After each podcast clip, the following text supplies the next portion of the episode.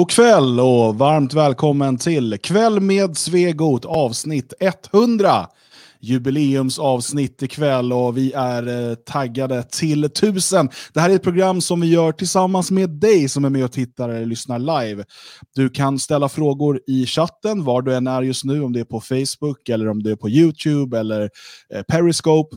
Eh, skriv i chatten så försöker vi svara på det. Eh, förslag på ämnen eller frågor men du kan också delta själv, antingen med video eller bara med röst. Eh, du gör det genom att gå in på eh, den här länken som du ser här nedanför, bit.ly svegot100, svegot100. Så kommer vår producent Ludvig ta in dig i programmet och så får du vara med och köta om vad du vill.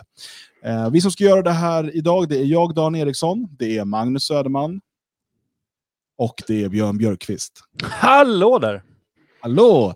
Eh, taggad Björn inför 100 avsnittsjubileet? Mm, jajamän, jajamän, jag är nog så enormt taggad. Och, eh, jag har försökt här nu lite grann, ifall att det här blir en flopp. Ingen ringer in, ingen skriver någonting i chatten, så har jag ehm, eh, iklätt mig mitt eh, alter ego, den ehm, ehm, onde sossen som eh, kan ringa in i så fall. Det är bra, eh, att, att han liksom alltid är, är redo att, eh, att vara med. Eh, själv har jag eh, valt ut min finaste skjorta full med flamongos. jag har fått lära mig att flamongon är ett, en symbol för swingers. De ställer ut en flamongo i, i trädgården. jag har dem på kroppen så att jag inte swinger är någonting helt annat. Eh, men eh, det är, så här det ser ut. Och eh, Magnus, han har glömt att raka sig här i veckan och därmed lite svårt att uttrycka sig så här i början av programmet. Men det kanske liksom löser sig, ehm, löser sig med, med tiden. Ehm, vad, jag vet inte, ni som är med nu under den här jubileumskvällen, skriv gärna i chatten, vad har ni i glasen? Eh, hur firar ni den här kvällen med oss? Så jag frågar väl dig då Björn, vad har du i glaset den afton? Uh, idag har jag vatten som jag har valt att tillsätta bubblor i. Uh, har du tillsatt bubblorna? Uh, ja, med en sån här liten... har du en sån här israelisk bubbelmaskin? Ja, jag skulle säga det. En sån här liten judisk apparat. Fast jag snålar, så, jag, så jag köper inte de här israeliska vet det, gastuberna, för det tycker jag inte går ihop, utan jag köper andra billiga från AGA och sånt. Okej, okay. men det går att använda i din israeliska maskin? Mm, mm. Ja, det är bra.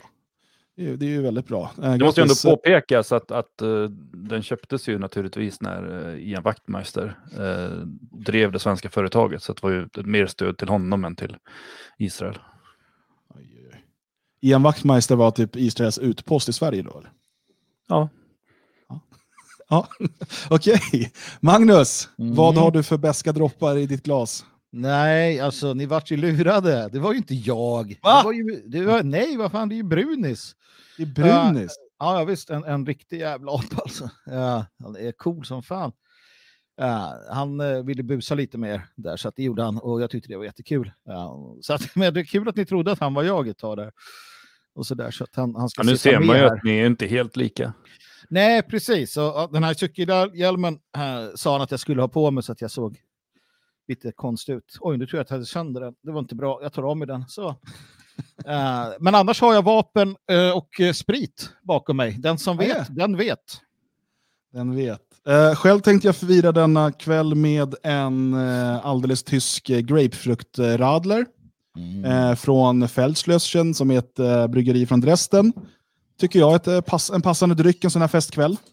Mm. Um, alltså radler är ju någonting som man saknar i Sverige va?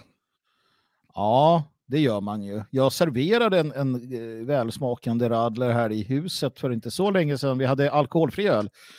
Uh, så skulle jag eh, visa, vem var det jag skulle visa det? Var det Ludvig eller var det husherren? Jag minns inte, någon av dem. Uh, Ludvig, var det dig eller? Du sitter inte där och var passiv. Uh, svara ja eller nej, åtminstone. Kan du väl? Hallå? Hallå? Hallå Ludvig? Ludvig, har han gått? Han, han har Tjena. gått. Så, tja. tja, tja. Jo, det var jag som fick en uppvisning i radler. Just det. Uh, så att, uh, ja, men det, det är gott. Uh. Det här är det nya heta de senaste åren i Tyskland, alltså grapefruktradler. Oh, det är grejer. Otroligt Testa. Konstigt. Konstigt.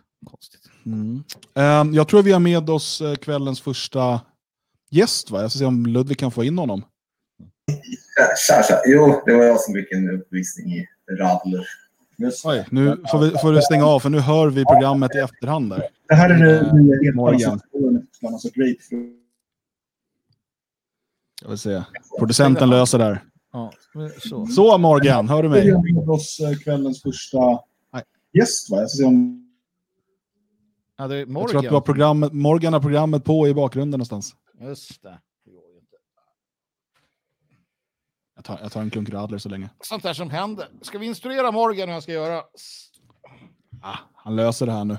Ja, stäng av. Morgan, har du stängt av sändningen så att vi kan prata med dig? Han, eh, Men hur fan ska jag höra vad ni säger då? Ja, det hör du ju ändå. Det kommer i det här programmet där du kom in. Mm. Nu är du liksom med i smeten, Morgan. Hur är, hur är denna afton? Ja, jag får ha lite svar för jag hör inte vad ni säger annars om inte jag har det på. Ja, fast det är ju en minut efter, så det kommer bli jättejobbigt. Du hör ju, borde höra ifrån där du är inne nu och pratar med oss. Lös det här, Magnus. eh, alltså, det finns en knapp där. Ehm, för... eh, jag vet inte. Jag har ingen aning. Eh, mute, stop cam, cam mic, Ja, men det är inte det. det, det Nej, okej. nu, nu händer det grejer där. Det att se. Producenten, tröttnade. nu, nu räcker det. Alltså, om, om ni vill ha med eller vad i, eh, i programmet där, där man kan vara med och snacka, så att säga. Eh, det var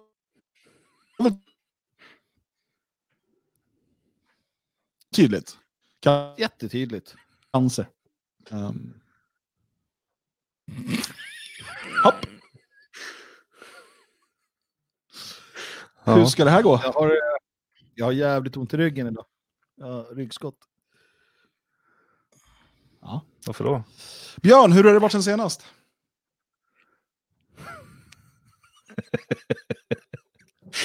ja, ja. är det helt kaos här nu? Det funkar där? Hörs jag? Vem är jag? Är jag med? Jag Eh, jo, det har varit bra. Eh, nu stack han. Eh, jo, Dan, eh, det varit bra sen senast. Jag har ehm, eh, spelat in två filmer. Eh, jag tyckte det var dags när jag inte hade spelat in någon på, på så länge. Eh, så det har jag gjort. Eh, båda två egentligen om samma saker, men jag ville ha olika rubriker och fler tittare. Så att det blev två filmer. Det- Och det är vad du har gjort senaste veckan? Ja, jag har jobbat också. Usch. Men du har inte varit i skogen och gått runt? Det brukar du alltid. Jo, jag har varit i skogen och gått runt också. Ja. Jag tror jag är allergisk mot den jävla peruken. Det kliar i ögat. Jävligt. Ja, det var en peruk där. Jag tror att du klippte det lite snabbt nyss. Nej, nej, nu har jag peruk. Och nu har du röda ögon. Det tycker jag är en Ja. rolig följdeffekt på det. Eh, Magnus, vad har du haft för dig sen sist? Oj, oj, oj, du förstår. Eh, Svenskarnas hus kräver sin man. Jag har eh, producerat eh, 300 rasist, eh, ja, visst, utropstecken, frågetecken, gud, vad det nu heter. Eh, och så vidare. Eh, och nej, men jobbat med nationalisten som komma ut. Det har varit byggen och sånt där. I, idag har jag varit till och med med rent sådär handfast och, och burit saker. Eh, och sådär. Så att, eh, nej, men det är mycket, mycket sånt. Va? Mest sånt. Ja. Är det Det är därför du lika. har um, ont i ryggen? Nej, det hade jag innan. Jag har haft det hela veckan. Um, och, så det var lite dumt. Ska vi vara ärliga, du har typ haft det sedan du var 30. Eh, ja, fast inte så där som jag har nu. Nu är det riktigt illa. Men jag tror att det känns lite bättre nu när man får sända och så där. Så det är bra. Eh, jag tänker att vi tar direkt Thomas fråga här. Har ni någonsin gjort något utan att det var ett problem med uppkopplingen?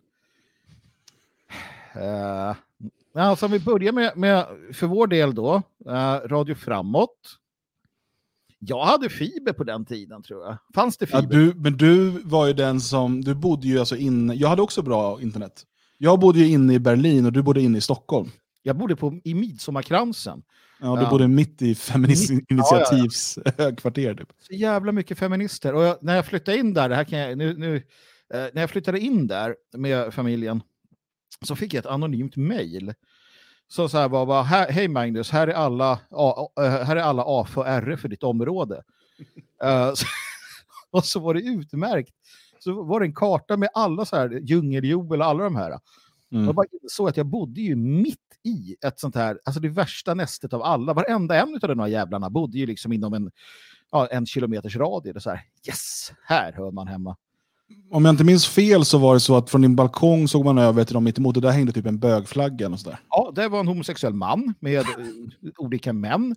Eh, han, han brukade klä upp sig, eh, man såg in till varandra såklart, man brukade klä upp sig i sådana här eh, typ BDSM-kläder, alltså lack och läder heter det. Eh, Väldigt konstiga, intrikata mönster, så gick han omkring med det. Eh, och så prideflaggan då, jag tänkte först att jag skulle typ mona honom och sådär. Men det Mm. var ju en dum idé, för att eh, det gillar han ju. Ja, Slätt liksom. du får gå väldigt, väldigt påklädd och, och så blir han arg. Precis, det var det jag började med sen.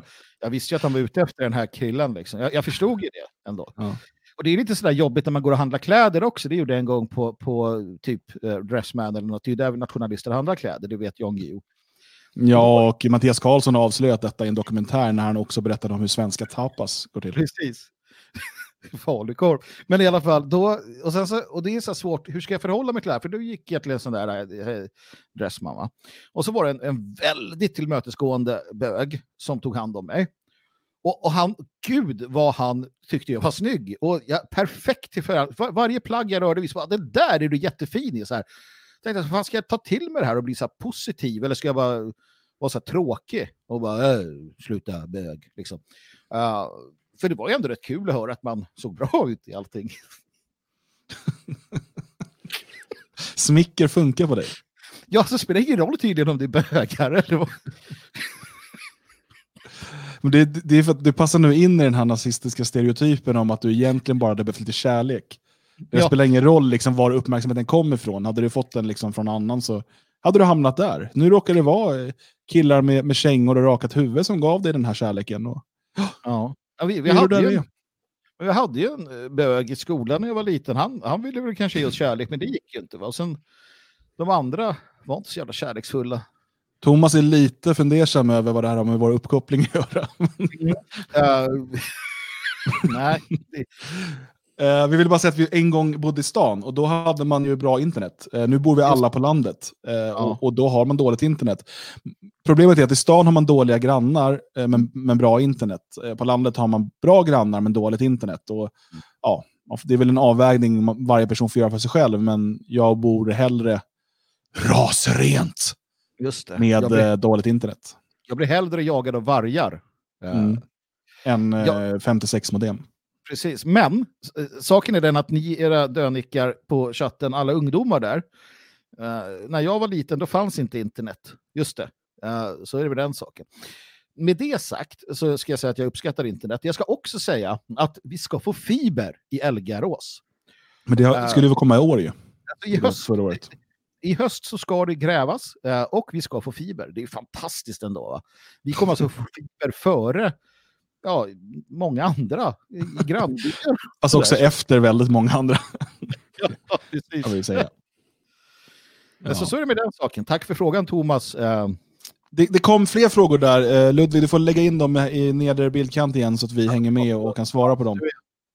han försvinner ju iväg. Jag vet inte om man tar det här på allvar alltså. Nej, nej. nej. Oj, oj, oj. Copernicus här. Fråga till alla tre. Hade ni något favoritämne i skolan?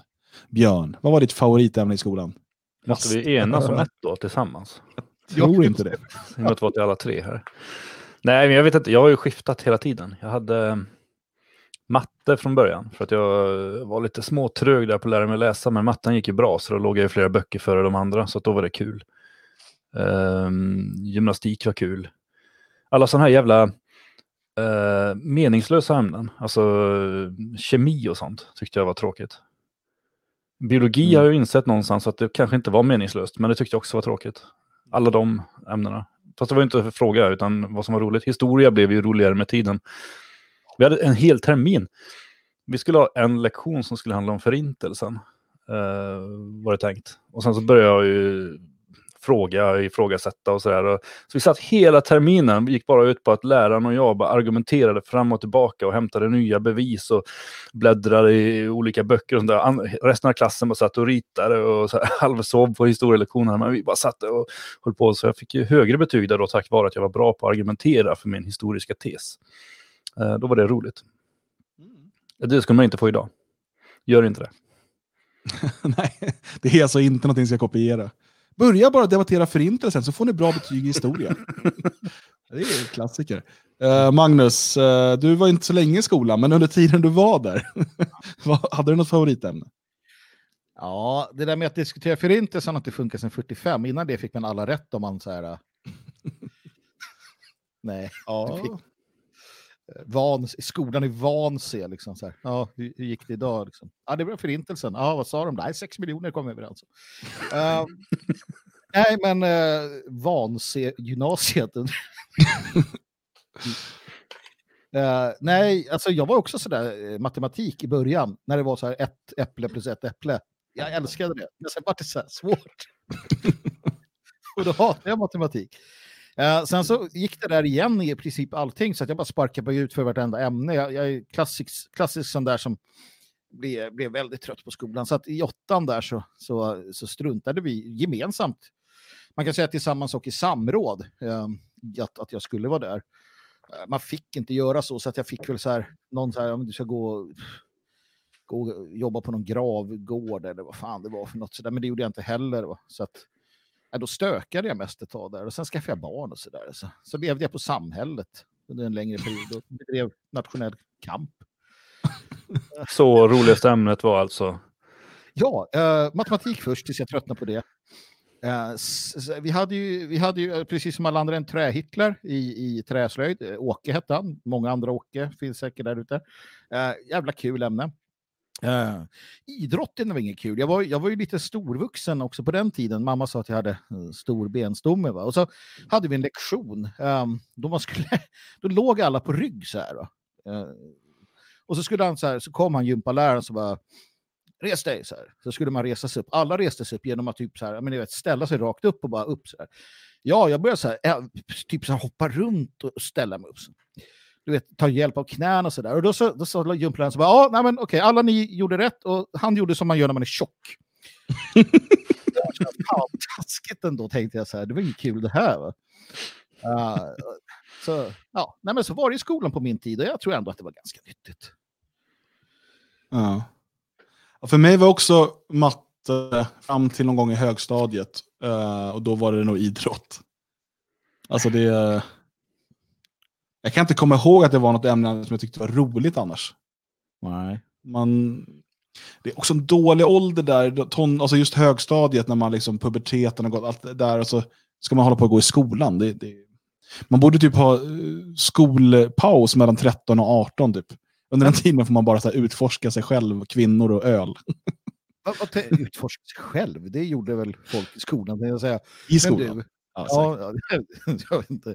Eh, Men du Dan, alltså dans och sånt där, det var inget för dig eller? Jag tyckte inte det var, alltså jag gick ju dans och drama inriktning i kulturklass.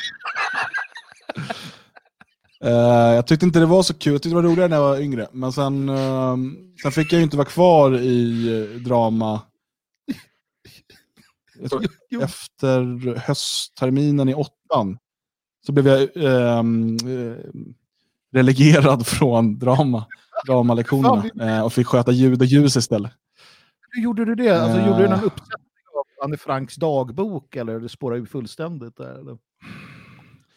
Jag kom inte så bra överens med um, dramaläraren mm, som pratade så här. För hon var från England eller USA eller någonting. Eh, och det störde mig. Eh, och jag och en till, vi var väl rätt elaka som barn kan vara mot den här läraren. Eh, och fick henne att gråta rätt mycket. och eh, jag minns inte exakt, men, men till slut så, ja det var väl lite som med din skola där, att vi kom överens i samråd att det är nog bättre att jag eh, eh, får lära mig om ljud och ljusteknik.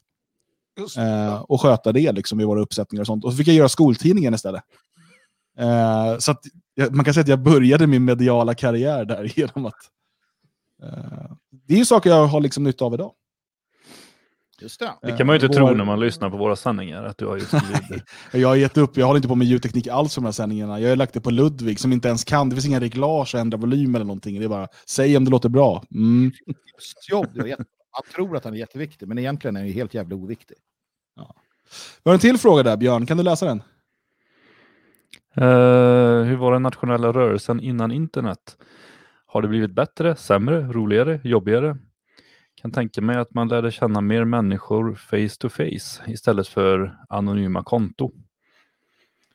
Ehm, ja, det där skulle vi kunna ägna fyra, fem månader åt. Egentligen. Uh, ta bort frågan nu. Jag, vill, jag kommer ju glömma frågan så fort Magnus börjar prata om uh, något konstigt som hände i hans barndom. Ja. Jag höll på att sjunka med en båt en gång när vi var ute och jag och Jocke var ute. Hans farsa jobbade på marinan i, Stäket, eller Karlhälls marina var det. Fick vi låna böcker, eller böcker, båtar. Och så, så var det så jävla stormigt ute på Mälaren. Jag bodde precis vid Mälaren. Jävla fint bodde jag, en stor lägenhet. Eh, och, så, och så åkte vi i de här jävla vågorna va? och sen så, så började vi ta in vatten. Fick ju panik där, va? men det redde ut sig. Ja, nej, fortsätt. Eh, och hade ni haft internet så hade det aldrig hänt. Hade det inte. Nej. Fan får man ta på sjöräddningen utan internet? Liksom, det var ju kört. Skicka upp en sån jävla raket. Ja. Ja, Det var en liten buss där, va? så den hade inte sån. En liten plåtbuss där, den minsta. Med Alltså, jag bör- Oj, oj, nu händer grejer. Um, jag började engagera mig när liksom internet, eh, det fanns internet men det var inte så att det liksom användes på det sätt det gör idag. Så runt 2000. ja, men det, alltså, folk, det fanns väl lite hemsidor och sådär men man, de flesta hade ju inte sitt sociala liv på internet och du hade ju inte smartphones och den delen. Liksom. Ehm, så att det var ju mycket mer att ville man träffa folk och lära känna folk och vara en del av någonting, då var man ju tvungen att ta sig till Mm. var det demonstrationer eller konferenser eller eh, konserter eller vad det nu än var. Ehm, och det var så. Jag, alltså jag tror att det fanns många fördelar med det, men det är klart att det är mycket mer lättillgängligt nu och vi liksom kan nå människor på ett sätt... Alltså, allt det här som hänger kvar med att springa och dela flygblad och så vidare, det kommer ju ur en tid då internet inte fanns. Jag säger inte att det inte kan fylla en funktion, men, men det är ju liksom eh, egentligen ett ganska ineffektivt sätt att sprida ett budskap. Då har man oftast en annan anledning till att man gör den typen av aktioner. Um, för att eh, sprida ett budskap gör det mycket bättre online. Men vad som är viktigt, och det kan man väl bara ta med sig då, det är så här, att när man håller på med eh, internet och liksom nationalistisk aktivism på internet, det är att det måste också leda till någonting annat, inte bara till mer internet. Det måste finnas någonting, okej, absolut, vi använder det som ett verktyg för att sprida budskapet, men sen då? Det ska inte bara bli fler människor. Det är, liksom, det är ju kul, men sen då? Det måste bli, vad, är nästa steg? Vart ska de här människorna? Var, var ska det här, eh, den här kraften kanaliseras? Vad ska komma ut av det? Och eh, eh, där är internet ett verktyg precis som ett flygblad. Det, det, är eh, det, det är ju väldigt få som skulle säga så här, men jag är bara aktiv på flygblad. Ja, Ja, Jag, men nu, nu, alltså jag, nu- tänker inte, jag tänker inte liksom, jag kan inte hålla på med alltså jag är aktiv på flygblad. Men nu, vadå? Alltså, fördelar, massor. Alltså, kom igen nu. De yttre markörerna var jätteviktiga. Man såg fan vad nationella det finns eller inte. Eller typ punkare eller vad det kan ha varit. Jag menar, att lära känna folk. Så här. Man, man satt på tåget, åkte och så hade man sin uniform på sig. Och så satt någon annan kille där med liknande. Man bara, tja, vem är du? Han bara, ah, men jag är liksom Göran från Kungsängen. Åh, fan vad coolt. Jag hänger med dig hem. Jag bor där ett tag. Och så har vi skitkul. Och så slåss vi lite. Uh, alltså det var ju skitbra att lära känna folk på, på, de, på de sätten. Idag är det så här, kan man åka tåg och så bara, hmm, jag har ingen aning om vad folk är för något. Allting var mycket tydligare då. Och, och jag, menar, jag menar, hur den är, eh, för, till ganska länge, eh, till ganska långt fram, i varje liten jävla byhåla i det här landet. Så här, Fagersta, i alla fall de känner så här, eh, uppe i Dalarna, eh, ute i, på landsbygden fanns ett litet skinnskallegäng i varenda håla. Va? Um, och de syntes och de hördes och de fick konfrontera babbar och vad det nu var för spännande man he- eh, liksom gjorde. Och så, och så kom man samman ibland på demos och så där. Det var ju så Salem blev Salem. Det var ju för att det åkte minibussar från varenda liten jävla byhåla. Va? Uh, och, och det tvingades ju fram för att vi hade inga andra sätt att, att hänga på. Utan man träffades och musiken och, och liksom sådär. Så att eh, nej, det var, det var jättemycket bättre. Och Sen fanns det ju alltid ett café eller restaurang eller någonting i varje stad där de nationella alltid samlades. Man behöver ju inte hålla på och boka träffar och sånt. Jag kommer ihåg vid något tillfälle jag var uppe i Hedemora så hade jag ju varit där tre år tidigare och sett ett par skinnskallar vid ett café. Så jag tänkte, fan jag går dit. Och det slutade med att jag var ute och söp med dem hela helgen sen. Mm. Eh, på så sätt var det ju klart smidigare och enklare på väldigt många sätt. Sen är det ju klart som fan att vi sitter och tycker att allting var roligare då, för att vi var ju unga då, vi var ju roligare då. Det är ju, det är ju självklart. Ja. Eh, för alla så var det ju roligare när man var yngre.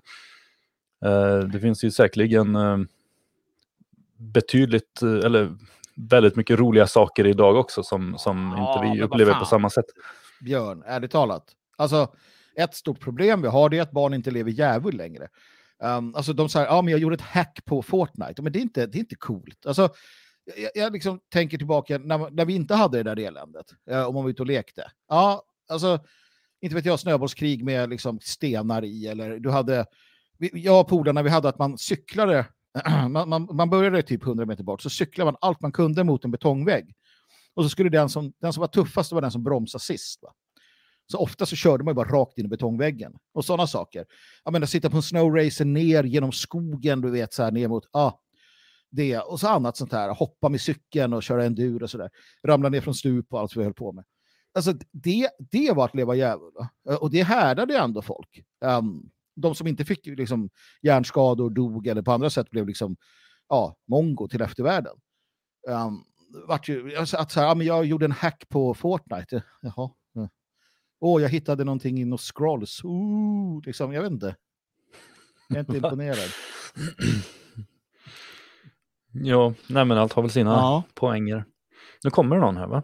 Just. Mm. Ja, jag tror att vi har med oss uh, Jonny. Hallå! Ja, tjena! Tjena! Hallå. Välkommen! Uh, hur är Ja. läget? Tack, tack så mycket.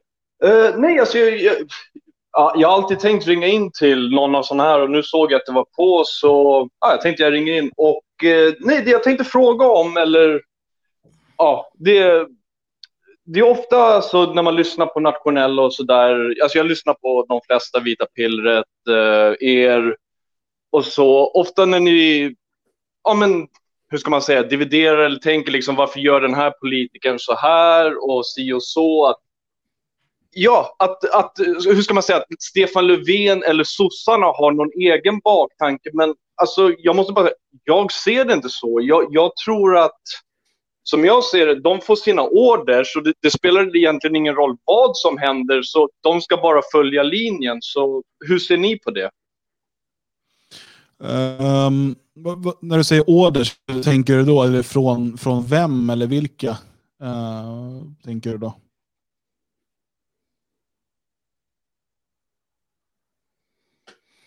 Mm.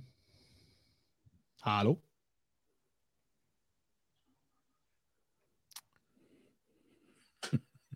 Det går bra det är inte bara för mig det har försvunnit. Ja. Nej. Ni- Det är det här det är det som händer när man är nära att avslöja någonting. Det då, kommer Säpo in och klipper linan. Ja. Johnny didn't kill himself. Hallå? Hallå? Nej, men... Uh, jo, så att, eh, Jag vet inte hur bra det funkar de här inringningsgrejerna faktiskt. jag tycker att det är ganska... Dåligt. Går det via dig eller Ludvig? Vem, vem Nej, det går, det är alltid Ludvigs fel. Nej, det går via den här servern som vi sänder via. Jag tror vi måste Ja. sluta använda det här StreamYard. Jag börjar bli trött på. Ja, jag börjar bli jävligt trött på det. här. Det är Alltså. bättre med Skype för fan. Jag tycker det börjar bli roligt nu. Eh, men men jag- okej, jag- ska vi... Ja, Ja, jag, ska vi försöka resonera Nej, kring nej, det vi hade? Mm. så jävla försynt Björn. Jag, jag, håller, jag tror inte att det är som, som Johnny tror. Kan jag säga. Det säger jag på en gång. Men vi, vi måste nästan få mer information. känner jag. Och så han ringde in för att säga att han inte höll med oss. Så att det vet nog alla att jag, jag inte håller Nej, alltså jag ser, bara att, jag ser bara att apparaten är på tok för stor. Liksom. För det måste ju då rimligtvis gälla Moderaterna också. Liksom, eller, det är det, får man den kontakten när man är vald? Eller?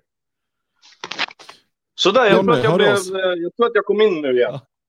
Yes. Ja, precis. Nej, jag tänkte, Jo. frågan var så här, du säger där, och så tänker jag från, vad, från vem eller vilka menar du då? Alltså vilka, vad vi ska utgå ifrån? Alltså exakt vem vet jag såklart inte, men alltså för till exempel Rothschild-familjen, alltså någon, exakt vem vet jag inte, men de har väl precis som ett företag folk som är under dem i olika länder och så. För jag tänker så här i alla fall. Det spelar ingen roll vad som än händer i Sverige. Alltså, det skulle kunna vara en muslimsk terrorattack varje dag. Sossarna skulle aldrig eller något av de andra sjuklöverpartierna, no, inte något av de partierna som har blivit korrumperade skulle ändra inriktning. Jag tror, alltså, tror ni till exempel att Moderaterna skulle gå med SD på att verkligen genomföra ett helt invandrarstopp eller kanske till och med eh, repatriering? Nej, det tror jag nog inte. Eh, men om man då tar det där eh, från början där då med, med liksom order och sådär. Jag tror att du har både rätt och fel. Alltså, eh, jag tror inte att det är så, eller jag ska säga säga att det är inte så enkelt att det, liksom man får, att det är som att man får ett, ett memo, liksom, nu är det dags att göra det här. Eller liksom, och inte, inte ens när man åker på liksom, Bilderbergmöten och liknande. Däremot så är det helt klart så att, att liksom, det finns kraftiga, starka intressen, eh, politiska, eh, finansiella och eh, maktintressen på olika sätt som, eh, som är så pass tunga och viktiga att eh, man liksom inte vågar eller kan gå emot dem. Eh, och, ehm, så att det, det är ju du kanske bara menar det som en förenkling, men jag tänker att det ändå är bra att vara tydlig. Liksom, att det är ju inte så att, att det ringer, jag tror åtminstone inte att det är så att det är någon som ringer Löfven och varenda statschef och säger att nu är det det här som gäller. Utan man är nog ganska mycket på det klara med eh, vad som liksom förväntas av en. Jag tror inte bara heller att det handlar om piska, utan väldigt mycket molarboll. Om du är med och driver den här politiken så väntar eh, fina styrelseuppdrag och, och fina liksom, eh, diplomatuppdrag och så vidare senare och du kommer liksom bli rik på olika sätt. Eh, och Jo, men jag precis. är Jag också menar, det- helt övertygad om att man... Ja, förlåt. Kör. Nej, men alltså, det är det jag menar. för liksom, Det behöver ju inte vara ett en uttalad order. Jag menar, gemene man i Sverige, alltså den absoluta majoriteten vet ju exakt vad man får säga och inte säga för att inte bli av med jobbet. Alltså, och vad man ska säga för att få eh, morot i många sammanhang i landet. Jag menar i media, i...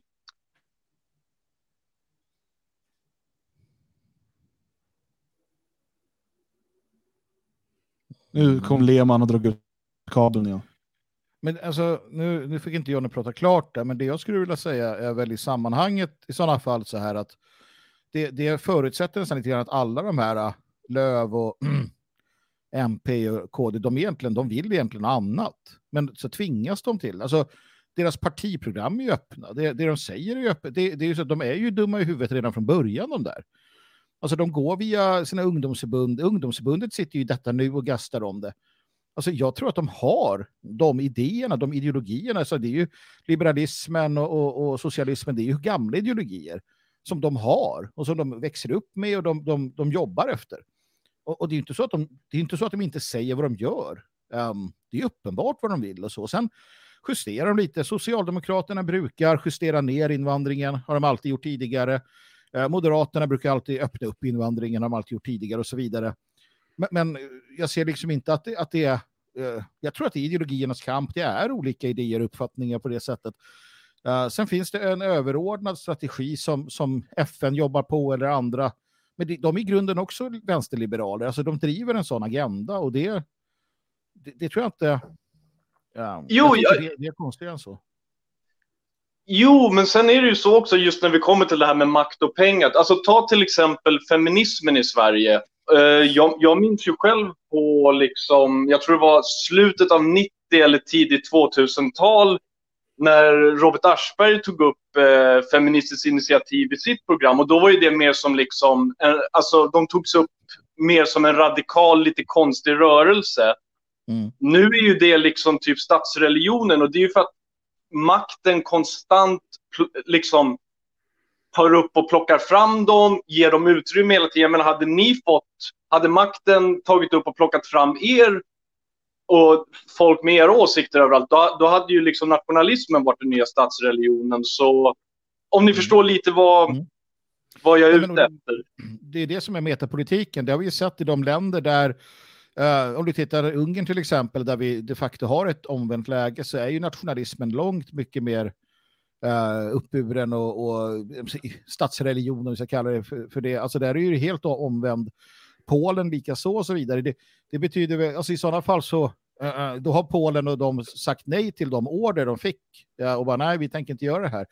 Jag, jag tror att det är mycket svårare, alltså det är mer invecklat, tyvärr. För att hade det, hade det varit som du säger så, så hade det på något sätt varit lä- lättare att förhålla sig till det. Nu är problemet menar jag att när man i Spanien hade 200 000 som gick ut och demonstrerade för öppna gränser för några år sedan så menade de det. Ehm, och det är det som jag tycker är fruktansvärt i sammanhanget. Um, Absolut, men alltså, alltså de har ju blivit hjärntvättade. Eller, alltså, du, alltså, de hade ju förmodligen inte haft de åsikterna om inte median hade varit som den har varit konstant. Och, eh, men sista frågan bara på ämnet, just att med, det, med allt sagt, tror ni att till exempel Ta sossarna som exempel, bara, men det kan gälla vilket parti än som sitter vid makten. Tror ni att eh, Löfven och de skulle kunna sätta sig ner, diskutera med varandra och, och komma med en politik och genomföra helt efter eget huvud nu till exempel. Och då menar jag till exempel sånt som rör de här känsligare frågorna som ändå pekar i vår riktning om de skulle vilja. Mm. Ja, det, det, det är ju väldigt intressant. Eh, Jag har stängt av min kamera här för att jag har haft så mycket internetproblem. Så jag kör bara med ljud nu. Eh, hopp- Förhoppningsvis funkar det bättre. Eh, Men det, det finns ju en vikt, eller flera viktiga poänger i det här. Och det är ju just det att ehm, man tror eller, att det bara skulle vara så lätt att, att Löfven och några till skulle bara kunna ändra på allting. Eh, saken är att för att göra det så måste man bryta med väldigt mycket av det nuvarande systemet. Alltså allt ifrån det finansiella systemet till liksom alla de internationella konventioner och så vidare som finns. För att man har på många sätt målat in sitt, e- sitt eget hörn. Visst, till exempel det här att Sverige har svårt att, att utvisa till Libanon. Um, och så säger man så här, men varför uh, slutar Sverige inte med bidragen till uh, biståndet till Libanon uh, eftersom att de vägrar ta emot sina kriminella? Nej, för att Libanon råkar vara ett viktigt exportland för Sverige. Uh, alltså det, där har man liksom ett lager som, som är där. Sen har du det andra lagret och det är ju att om du, om du ser till det, det militära hot som finns. Kolla vad som händer när, när serberna tröttnar på liksom mångkultur och muslimer som, som invaderar dem söderifrån. Eh, då kommer NATO in och bombar, eh, bombar skiten ur dem. Eh, alltså, och, och det är här, det är också en sån här viktig del. Och, och, och, allt det här allt det här vet ju, människor i maktposition vet att du, du kan liksom antingen få medien efter dig, du kan få judisk maktrörelsen efter sig om du vågar kritisera dem, eh, vilket kan få enorma finansiella konsekvenser på olika sätt. Eh, och det kan få liksom livshotande konsekvenser för dig som individ. Det har vi sett flera exempel på. Eh, du du ehm, har det, liksom det militära hotet. Det är ju ett, ett jättekonglomerat av eh, ett väldigt fåtal makt. Eh, män har väldigt mycket, väldigt mycket makt. Och, och det är här det här viktiga med liksom, det europeiska samarbetet kommer in mellan nationalister. För att vi ska inte tro att ett litet land som Sverige ens ensamt kommer kunna vända sig emot eh, det, här, det här systemet. Att det går att det sker en, som någon typ av ensam resa Sverige emot det. Vi har sett människor försökt lämna det finansiella systemet. Vi har sett det från Adolf Hitler, vi har sett det från Saddam Hussein, vi har sett det från Muammar Gaddafi, Gaddafi. vi ser Bashar al-Assad. Vad händer? Jo, man bombar söder och, sönder och samman deras länder eh, och gör allt för att förstöra dem. Alltså, det finns massa sådana exempel. Och det är därför det liksom behövs det är en väldigt, väldigt stor fråga som kräver en väldigt, väldigt stor satsning i, i flera länder samtidigt. Men helt klart är det så, du har helt rätt i att liksom sjuklöven, eller åttaklöven om vi ska vara ärliga, eh, kommer inte kunna genomföra en så pass eh, radikal samhällsförändring som är nödvändig. De kan mycket möjligtvis liksom göra något litet steg åt något håll och så vidare. Men mer än så kommer de inte var vara kapabla att göra, utan det krävs det är, där, där är den, kulturella och samhälleliga förändringen mycket viktigare. Eh, och, och i slutändan eh, så måste den nog bara köra över politiken. Eh, nu ska jag lämna över till Björn. Tack. Eh, nej, jag, jag har väl inte så mycket. Alltså det, det är ju, medias makt är ju enorm och universitetens makt är enorm. Och där har ju eh, vänstern lagt in oerhörda resurser på att ta över de två institutionerna. Och i och med att de har lyckats med det så har de ju påverkat kommande generationer. Alltså de påverkar våra tankar genom att eh, styra vad vi läser i tidningarna lite till vardags, men även då vad de som blir beslutsfattare och så vidare läser på universitet och högskolor. Därmed så har vi fått en enorm förskjutning. Eh, någonting håller på att hända nu där det sker en förskjutning åt vårt håll. Absolut inte i den takt som man kanske skulle önska, men samtidigt som vi var inne på, sker det för fort så är det ju också oerhört riskabelt därför att vi måste, världen måste följa med oss så att säga. Vi får gärna gå lite före, men vi får inte gå för långt före, för då, då blir vi sönderbombade helt och hållet. Eh, men, men jag tror inte att politiker, enskilda politiker sitter och blir direkt styrda. Men självklart så är deras tankar styrda från barnsben. Jag menar skolan redan nu från dagis är ju en pågående hjärntvätt. Helt från början till ja, tills vi dör. Så att, självklart så är de styrda på så sätt, men inte, alltså snarare indirekt än direkt. Sen spelar ju Bilderbergmöten och liknande också in, men eh, Eh, jag tror inte på det, på det sättet som man gärna föreställer sig. Det är, det är inte som på film. Men, men får jag bara fråga där då till exempel det här när vänstern kom in och tog över median och skolväsendet och allt det här. Tror du att det var alltså vanligt folk som bara hade de här idéerna som gjorde det när det skedde? Eller att de hade liksom, ja men, vad ska man säga, mäktiga personer i bakgrunden som gav dem resurser och liksom hjälpte till att pusha den här vägen, så att säga. I viss mån mäktiga personer bakom, eh, självklart, men framförallt så skapade man en eh, kultur som gick ut på att eh, fan, ni ska bli någonting, ni ska ta er in här därför att här kan ni påverka. Frågar man människor som studerar till exempel alltså på journalisthögskolor och grejer så, så är det ju deras um, förklaring till varför de vill bli journalister är ju inte i första hand för att de vill skildra en verklighet, utan det är för att de vill påverka. Det hör man väldigt ofta. Uh, så att det har skapats en kultur i vänstern att vill de kunna påverka så ska de uh, sikta åt vissa håll och det där är ju media ett exempel, men, men även ja, ta sig upp i, i högskolor och även ta sig upp högt upp i företag. Och de har skapat en sund kultur helt enkelt som, som uh, vi borde ha gjort också. Ja, mm. ja men ja, jag, jag, får tacka så mycket för mig och det, det var trevligt att vara med och ja, fortsätt med det ni gör. Och ja, tack för allt ni gör. Ja, tack jättekul för att du ringde. ringde in Johnny. Ja, tack. Ha det bra, hej. Ja, Eh, hörs jag som en normal människa nu eller hur är det? Det låter lite som den här botten Dan. Ja, till mig Känner i alla en bot. Jag vet inte hur det är utåt sett. Så. Men eh, ja, det funkar. Det verkar som att uh, mitt internet har total strejk så att uh, jag lämnar över till er och så försöker jag lösa det. Mm, absolut. Uh, bra där. Ska vi ta, se om vi får fram några fler uh, frågor? Då? För att nu är det ju verkligen på riktigt så att det är ni som ställer frågorna och vi som ger svaren. Uh, Björn, nu ska vi se här. Nej, det där var inget kul. ja, men där har du något. Björn, läs och svara. har du varit med om något överraskande eller på något sätt exceptionellt under någon av dina skogspromenader? Eh, uh, ja, jag vet inte. Alltså, nej, inte överraskande, men, men jag tycker att uh, varje gång man går ut i skogen är en uh, upplevelse som man lever på i många dagar efteråt. Så att uh, jag har inte sprungit på några häftiga djur eller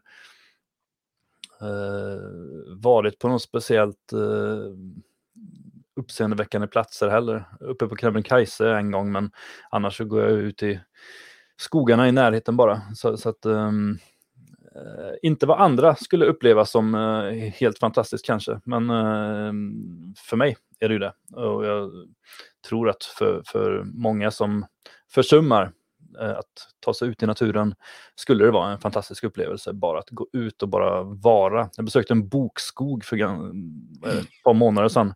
Det var ju helt fantastiskt att bara gå runt där och så hade det regnat nyligen så jag hoppade runt här grodor överallt och så luktade det så här fantastiskt gott som det gör precis när det har regnat. Eh, en sån liten upplevelse kan jag ju bära med mig i månader sedan. Nej men, där ser man. jag, jag har ju som vanligt en, ett, högst, ett högst romantiskt, eh, en högst romantisk inställning till uteliv. Uh, när jag väl är på plats så är jag föga uh, imponerad. Jag gillar ju att uppleva saker från uh, mina böcker.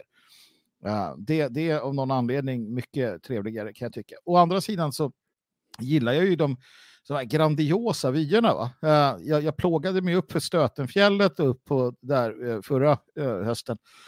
Och det var ju en fantastisk upplevelse. Ehm, det var också det värsta jag gjort i hela mitt liv. Ehm, men, men visst, det var ju kul. Men å andra sidan så hade jag, alltså, jag hade, hade jag åkt bil upp till toppen och suttit och tittat ett tag och druckit kaffe hade det varit jävligt fint det också.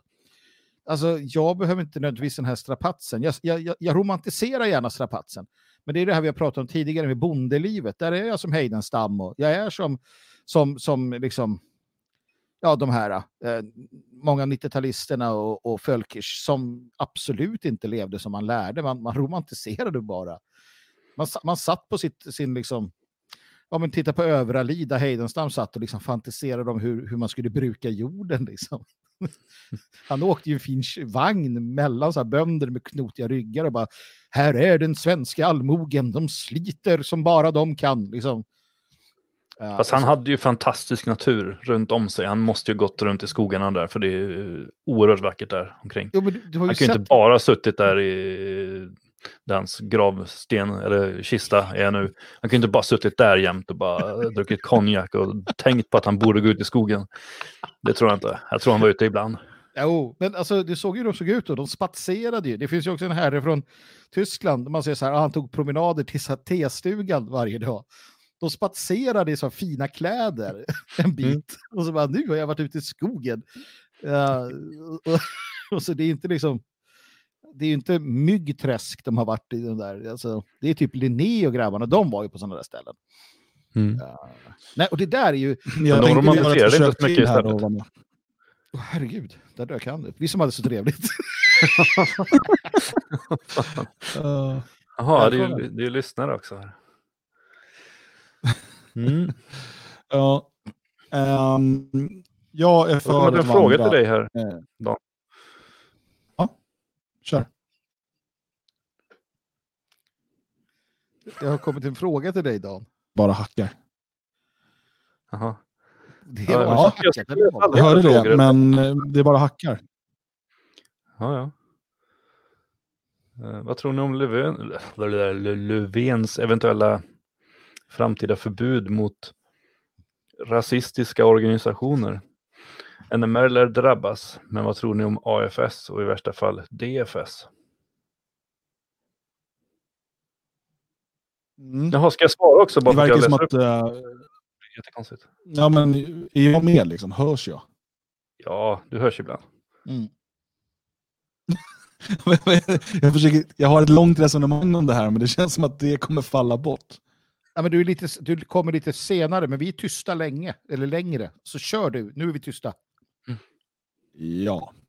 Ehm, jag tror att man kommer genomföra det här förbudet. Jag vet inte om man lyckas med det nu, här valet, eftersom man behöver ju ett val för den andra grundlagen.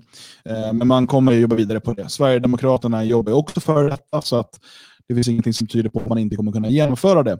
Ehm, och jag kommer nog gå först på NMR. Jag tror att eh, både AFS och Det fria Sverige är ganska långt ifrån ett förbud i dagsläget. Eh, om jag tittar lite på hur lagen har fungerat i Tyskland och så. Eh, och i andra länder där den typen av förbud finns. Men eh, då har man ett verktyg som man kan och kommer använda så fort någon rörelse blir för stor och för mycket hot mot, eh, mot systemet på ett eller annat sätt. Eh, så att eh, det, det, det som Sverigedemokraterna gör genom att försöka driva igenom organisationsförbud ehm, är ju att försöka eh, en gång för alla förstöra all möjlig nationalistisk ehm, vad man säga, konkurrens som, som annars riskerar att ta deras väljarstöd och så vidare när folk inser att de inte kan lösa någonting. men då har Sverigedemokraterna och andra redan drivit igenom organisationsförbud mot sin egen konkurrens. Smart spelat! Mm, det tror du ja. Vad tror Magnus då? jag vill ju säga som han i, eller hon i chatten, tror inte det kommer hända ett skit. Ja, men, men det kan det nog göra på sikt. Det finns ju vissa problem ändå. Alltså Sverige är, alltså det, det, krävs en grundlagsförändring, tror jag. Eller så hittar de någon sån där bakväg att gå in. Då. Ehm, men absolut tror jag att vill man vara verksam um, så måste man väga många ord på guldvåg uh, i framtiden absolut, det finns ju en, en, en, en, dragning åt det här. Det har varit länge uh, som Sverige får kritik också. För att vi inte följer FN, bla bla bla, någonting, någonting hit och dit. Och, och så att man inte har förbjudit det här redan och sådär. Um, så att vi, vi, vi förbereder oss och vi förväntar oss detta. Men naturligtvis hoppas vi att det inte sker. Um, det vore ju ett övertramp utan dess like och eh, nya spelregler på många sätt och vis. Men uh, vi har sett i andra länder också vad det leder till. Tyskland har ju ett eh, förbud. Det är förbud hela tiden, står ju som, står ju som, som liksom, ja, um, vad heter det? Det finns ett talesätt, står som spön i backen eller någonting. Har det kväst oppositionen? Nej, det har det inte gjort. Va? Å andra sidan så är man ju ärliga där. Där sa man ju till MPD att nej, vi förbjuder inte er. Det var ju alltså högsta domstolen som sa det. Den här uh, som har hand om den typen av frågor, HD säger vi uh, som sa att nej, vi förbjuder inte denna gång. Men blir ni för stora så kommer vi förbjuda er. det, det var det de sa. Men uh, mm. jag oroar mig inte heller för att vi, vi kör på i alla fall, vad som än händer. Mm. Nej, jag tror inte det kommer. Jag tror inte det kommer nästa eh, mandatperiod. Alltså att de redan nu lägger ett förslag som röstas igenom och röstas igenom efter valet. Det tror jag inte, utan jag tror att det här är en sån här fråga som många olika partier tycker om och drar fram lite då och då. Uh, nu är det ganska lämpligt. Det borde komma ett sådant förslag nu de närmsta dagarna. Det har varit så väldigt mycket invandrarrelaterad brottslighet nu. Vi hade ju den här eh, hemska kidnappningen i Solna där, där de torterade två pojkar och utsatte dem för den ena hemska saken efter den andra. Vi, vi har haft i Göteborg där de uh, upprättade vägspärrar, en lärare blev kidnappad, uh, eller ja, någon skolanställd, och, och flera andra liknande vidriga dåd som gör att media måste börja fokusera på annat och många politiker vill börja fokusera på annat. Det blir väldigt ihåligt när sossar och vänsterpartister och sånt sitter och gnölar om eh, att nu måste vi göra någonting åt kriminaliteten, för ingen tror ju på det. Så att de vill nog byta fokus och då är det väldigt smidigt att ta fram det här att ah, men nu måste vi, så viftar de med den här värdelösa rapporten som släpptes att ja, rätt vad det är, någon gång sen så kommer det säkert ske ett dåd, en, en ny laserman, en, eh, vit heterosexuell man som kommer att eh, begå någon form av eh, terrordåd mot muslimer. Och det är klart att det kommer hända. Och då kommer ju de som har skrivit rapporten dels bli väldigt hyllade för att de kunde förutse detta. Det är helt självklart att det kommer ske en reaktion på, på det här mångkulturella helvetet. Men, men dessutom så är det väldigt smidigt att springa runt och, och tjata om sådana här icke-frågor för att dölja de riktiga problemen. Så jag tror att man vill nog gärna suga på den här karamellen ett tag till. Så tidigast nästa mandatperiod så kommer första eh, lagförslaget att läggas i så fall, inte innan dess. Mm. mm. Så kan det vara. Låt oss gå vidare då till eh, en annan fråga här. Vad tycker ni om eh, vad som hände i Malmö? Eh, jag misstänker att det är... Det kan vara sprängning med Amalthea. ja, det var dumt tycker jag. Även om det, jag, menar, jag kan förstå ilskan hos eh, arbetarna över strejkbryteriet. Va? Det, det förstår man på den tiden speciellt. Mm. Det var en helt annan tid än idag. Men eh, ja, nej. Det kanske är lite Ja, ingen maffia gillar ju när deras, eh, hot, eh, deras våldshot eh, blir utmanat. Nej, så är det. Så är det. Men jag tror inte att det var Amatea, utan jag tror att det var de här upploppen som har varit. Och eh, nej, det är ju lätt. Det är lätt, precis som det som händer i USA nu. Det är lätt att känna att nu jävlar barkar det åt helvete. Det är lätt att få nästan panik. Men återigen, jag vill bara säga det att det som händer i USA nu, det är inte värre än det som hände eh, under eh, 60, slutet på 60, början på 70-talet med vänsterextrema terrororganisationer och massiva upplopp där, där de var tvungna att skjuta mot studenter och så vidare. Så det är fortfarande inte på den våldsnivån, även om det börjar närma sig. Och till del har viss brottslighet ökat och så, eh, markant. Va? Men alltså, upplopp i Sverige, den här typen av invandrarkravaller och liknande, det är ingenting nytt heller. Vi hade eh, mer omfattande och värre sådana. Frågan är om det här kommer fortsätta eller om det kommer vara som vanligt att det går tillbaka. Det är det jag inte vet och det är det man ska hålla ögonen på. Samma sak den här brottsligheten som den senaste veckan med väldigt mycket. Det är ju inte så att det inte har hänt tidigare. Ja, hur mycket av de här eh, sakerna rapporteras inte? När polisen till och med säger åt folk att nej men anmäl inte, det är lika bra. Um, så att, nej, jag, jag, jag, jag sitter lite i båten. Mm. Alltså, jag tycker att eh, alltså reaktionen eh, från muslimanerna var ju väntad. Eh, och det intressanta är att också reaktionen ifrån etablissemangsmedia och etablissemangspersoner också var väntad.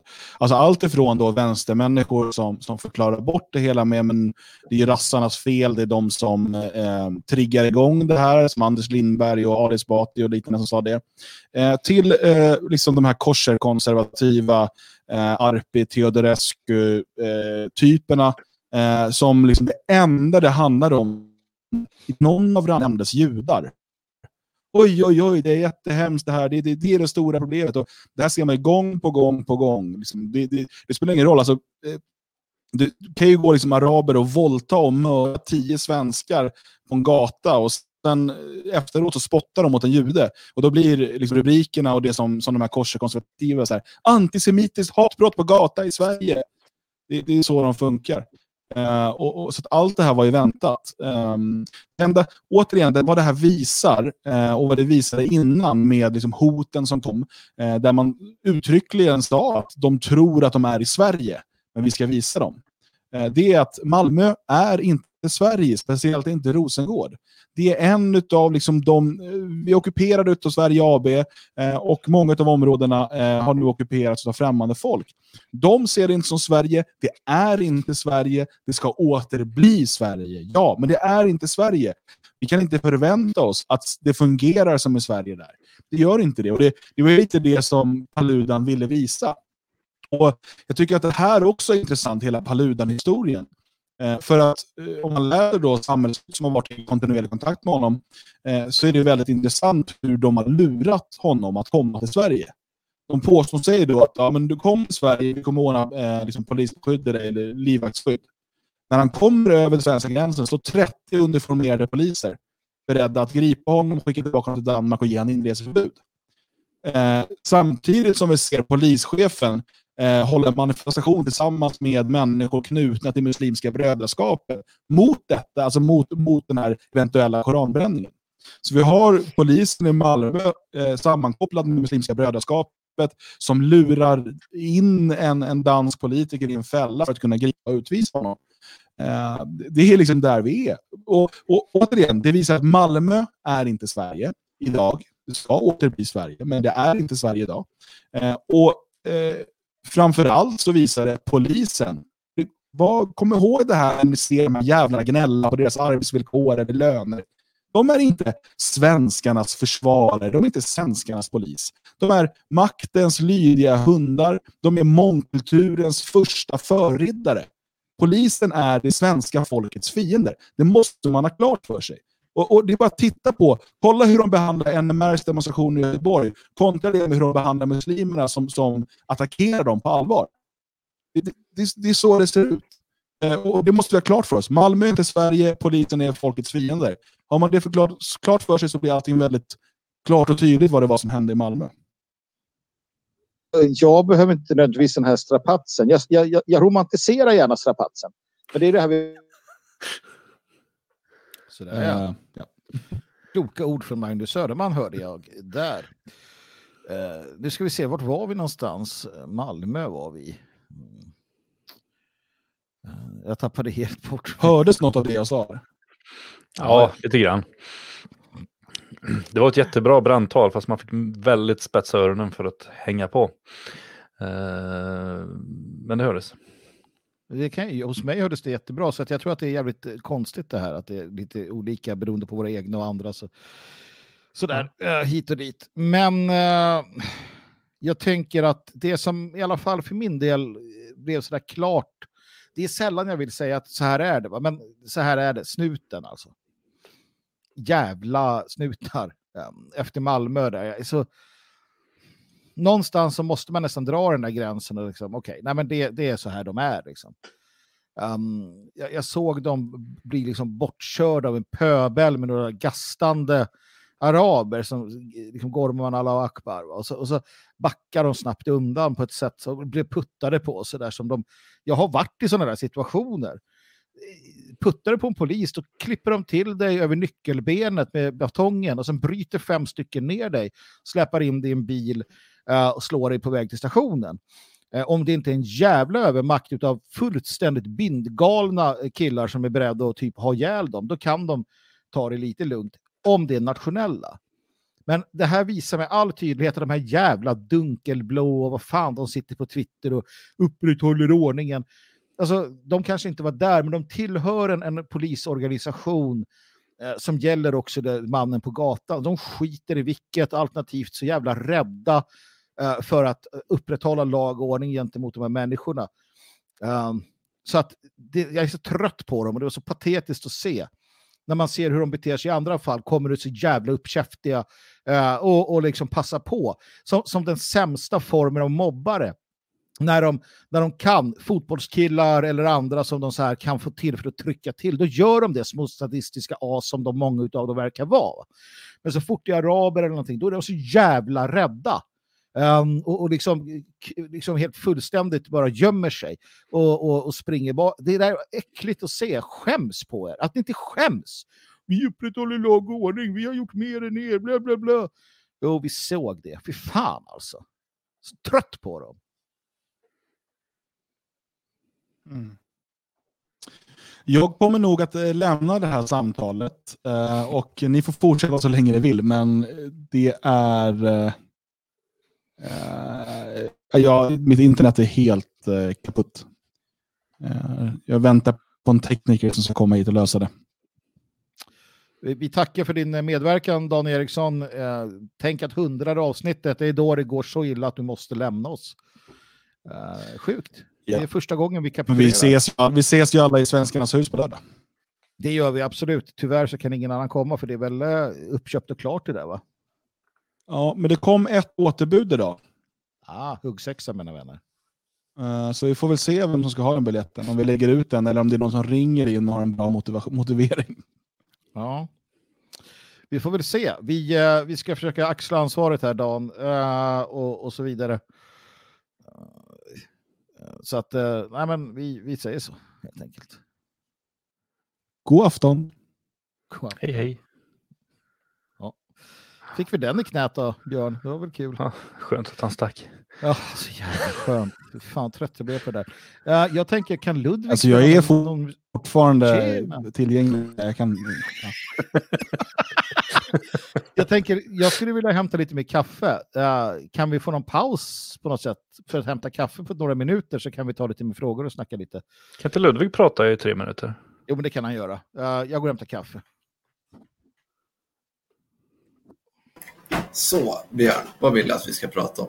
Om vi ska Nej, prata nej, om. jag ska ju också gå. Du ska ju prata. Nej, ja, det jag funderar på var bara, nu gick ju han, men jag har världens roligaste fråga till Magnus för övrigt. Men eh, vi kan resonera lite. Ja, ni i chatten, ni kan jättegärna droppa alla frågor ni har till Björn och Magnus här, så ska jag spara dem. Ni kan även, eh, om ni har någonting att fråga Dan så kan ni även posta det här så kan jag fråga honom IRL så att säga på invigningsfesten i Svenskarnas hus nu på lördag, nyinvigningen som är.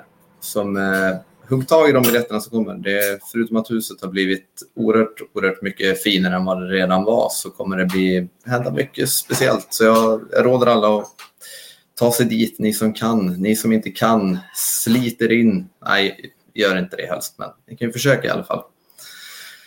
Så det har med det. Jag hoppas att Magnus och Björn kommer tillbaka. Det är så skönt när de lämnar mig med sånt här. Så att jag kommer faktiskt göra en liten fuling. Men du, Förutom att... eh, Ja, eh, jag fick höra härifrån andra att jag hördes alldeles perfekt. Så det kanske är ni som har problem. ja, det är lite robotljud är det. Är det, förvisso. Jaha, nej, det är bara att jag, det är min hals som är lite... Det, det funkar. Så att, ska vi ta en fråga när vi ändå håller på, eller?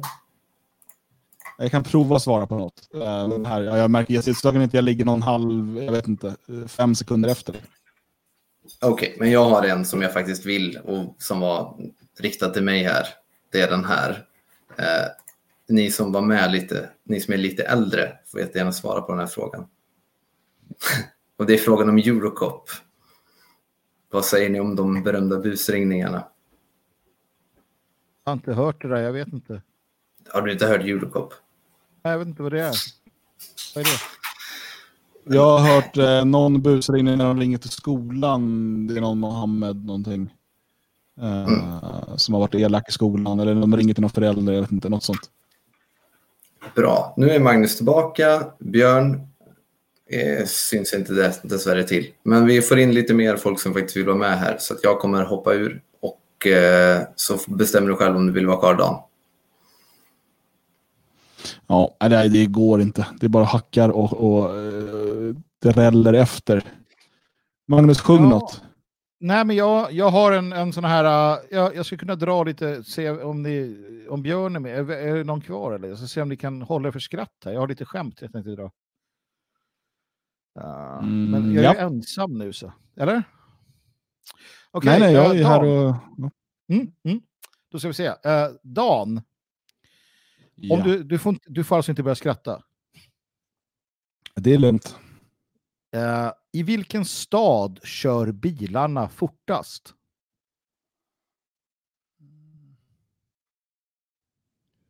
Jag vet inte. Gasa. Nej. Det- Där kunde jag hålla med. Det är inga problem. Jag tyckte det var skitkul. Jag har, jag har fler. Jag har fler. Jag hoppas det. Eh, varför finns det inga spårvagnar i London? Mm. Någonting med Big Ben, men jag vet inte hur. De tycker det är trams. Uh. Okej. Är lite kul, men Men ändå inte. fan. Eh, en till, annars är jag upp här. Du måste säga det på Eh, göteborgska. Hans, för helvete Hans. Nu är Hans Ja. med istället. Kör Tjena, det istället. Jo, jag hade en fråga jag tänkte ställa. Eh, Snygg tvätt där bakom. Ja, jag vet. eh, I alla fall kalsongerna frågan... du har eh, varit tvungen att tvätta extra där. Ja. Jävlar vad med guror du hade. Spelar du gitarr eller? Eh, ja. Men du, den eh, där konstiga gubben med ishockeymask och kniv där bakom dig, vad fan är det för någon? Det är väl bara att, eh, men... Ja, bra. Eh, frågor sa du? Jo, jag hade en fråga gällande musik. Ehm, och det är till alla er tre, så ni får besvara dem eh, en och en. Eh, om ni skulle ha någon artist eller band som ni fick lyssna på resten av ert liv och ni fick inte lyssna på något annat överhuvudtaget, vad skulle ni välja? Och motivera gärna varför. Magnus skulle välja screwdriver, okej? Ja, det skulle han. Det, Och det- fråga, det- motivera varför. Jag har aldrig hört något annat band. Jo, nej, men alltså, jag tänkte säga Gordon Lightfoot lite snabbt här. Jag blir äldre ändå, men ändå skulle jag väl ha det. det en, han har gjort väldigt många låtar. Det är en bra bredd, bra variant, va, variation. Det finns ballader, det finns liksom hårdrock, det finns eh, rockabilly, det finns lite olika. Skulle jag säga Gordon Lightfoot, då är det ju bara det jag får höra och det är liksom ganska lika hela tiden. Ja, så att nej, jag, jag skulle väl säga det. Eh, för min del skulle jag Ian Stewart. Ja, det får bli så. Jag, är- jag är trogen min, min förhistoria. Björn.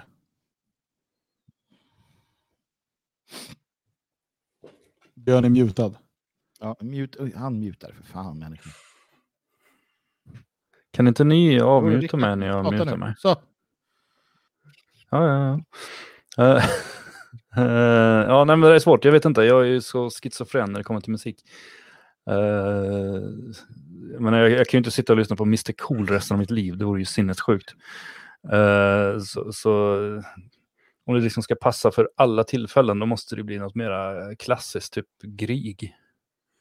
jag ska ju lyssna på ett Mm. klassiskt tonsvalmel resten av ditt liv. Men inte hela tiden. Man, det, man måste väl inte ha det på konstant? Jo. Man får stänga av också.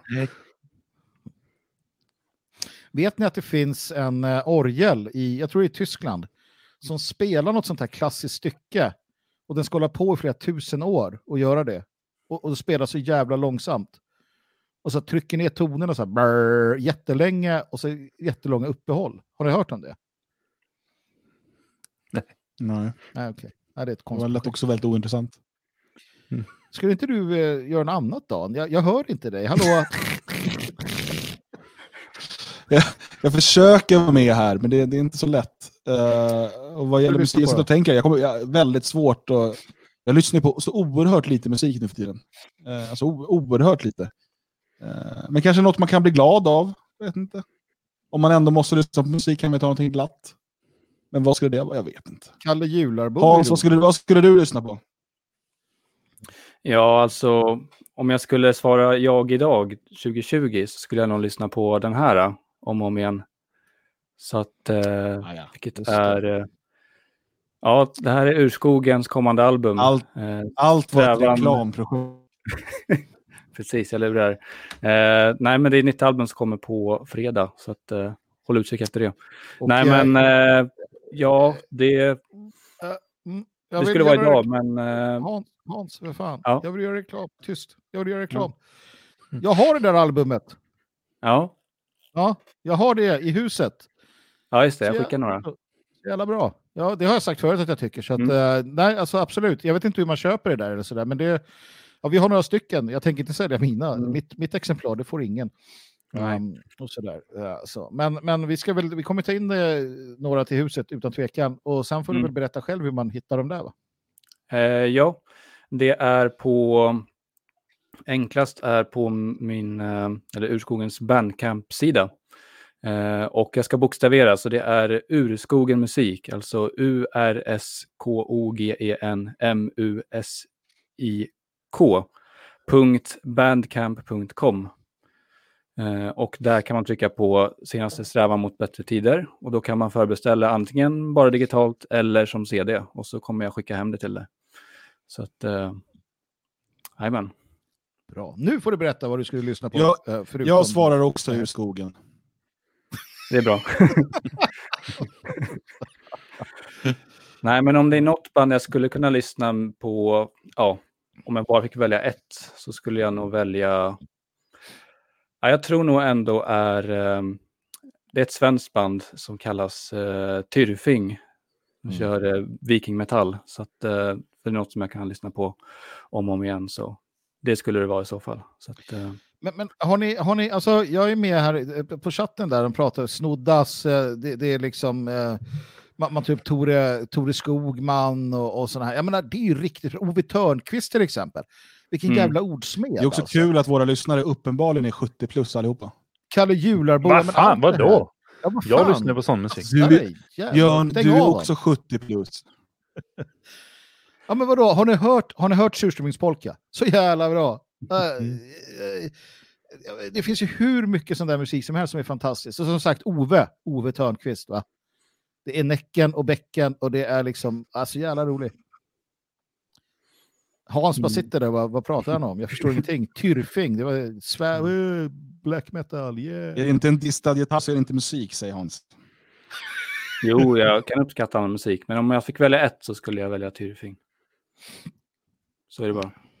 Jag såg Ja. att någon ställde en fråga om man kunde få ett eh, signerat ex av skivan. Och jag vet inte om jag, jag är lite emot det där med signaturer och sånt. Så nej, nej, om- nej, nej, nej, nej, nej, nej, nej, nej, nej. Vad fan menar du människa? Vadå emot? Alltså tänk om du dör i en bilolycka. Jag vill inte det. Men att du gör det och sen blir det att din musik leder motståndet. Om mm. 50 år så är den skivan liksom bara här, han, Hans skrev den här liksom. Ja, var det han med tvätten? Ja, det var han med tvätten liksom. Han skämdes inte för sig, han var, han var kar för sin tvätt liksom. ja.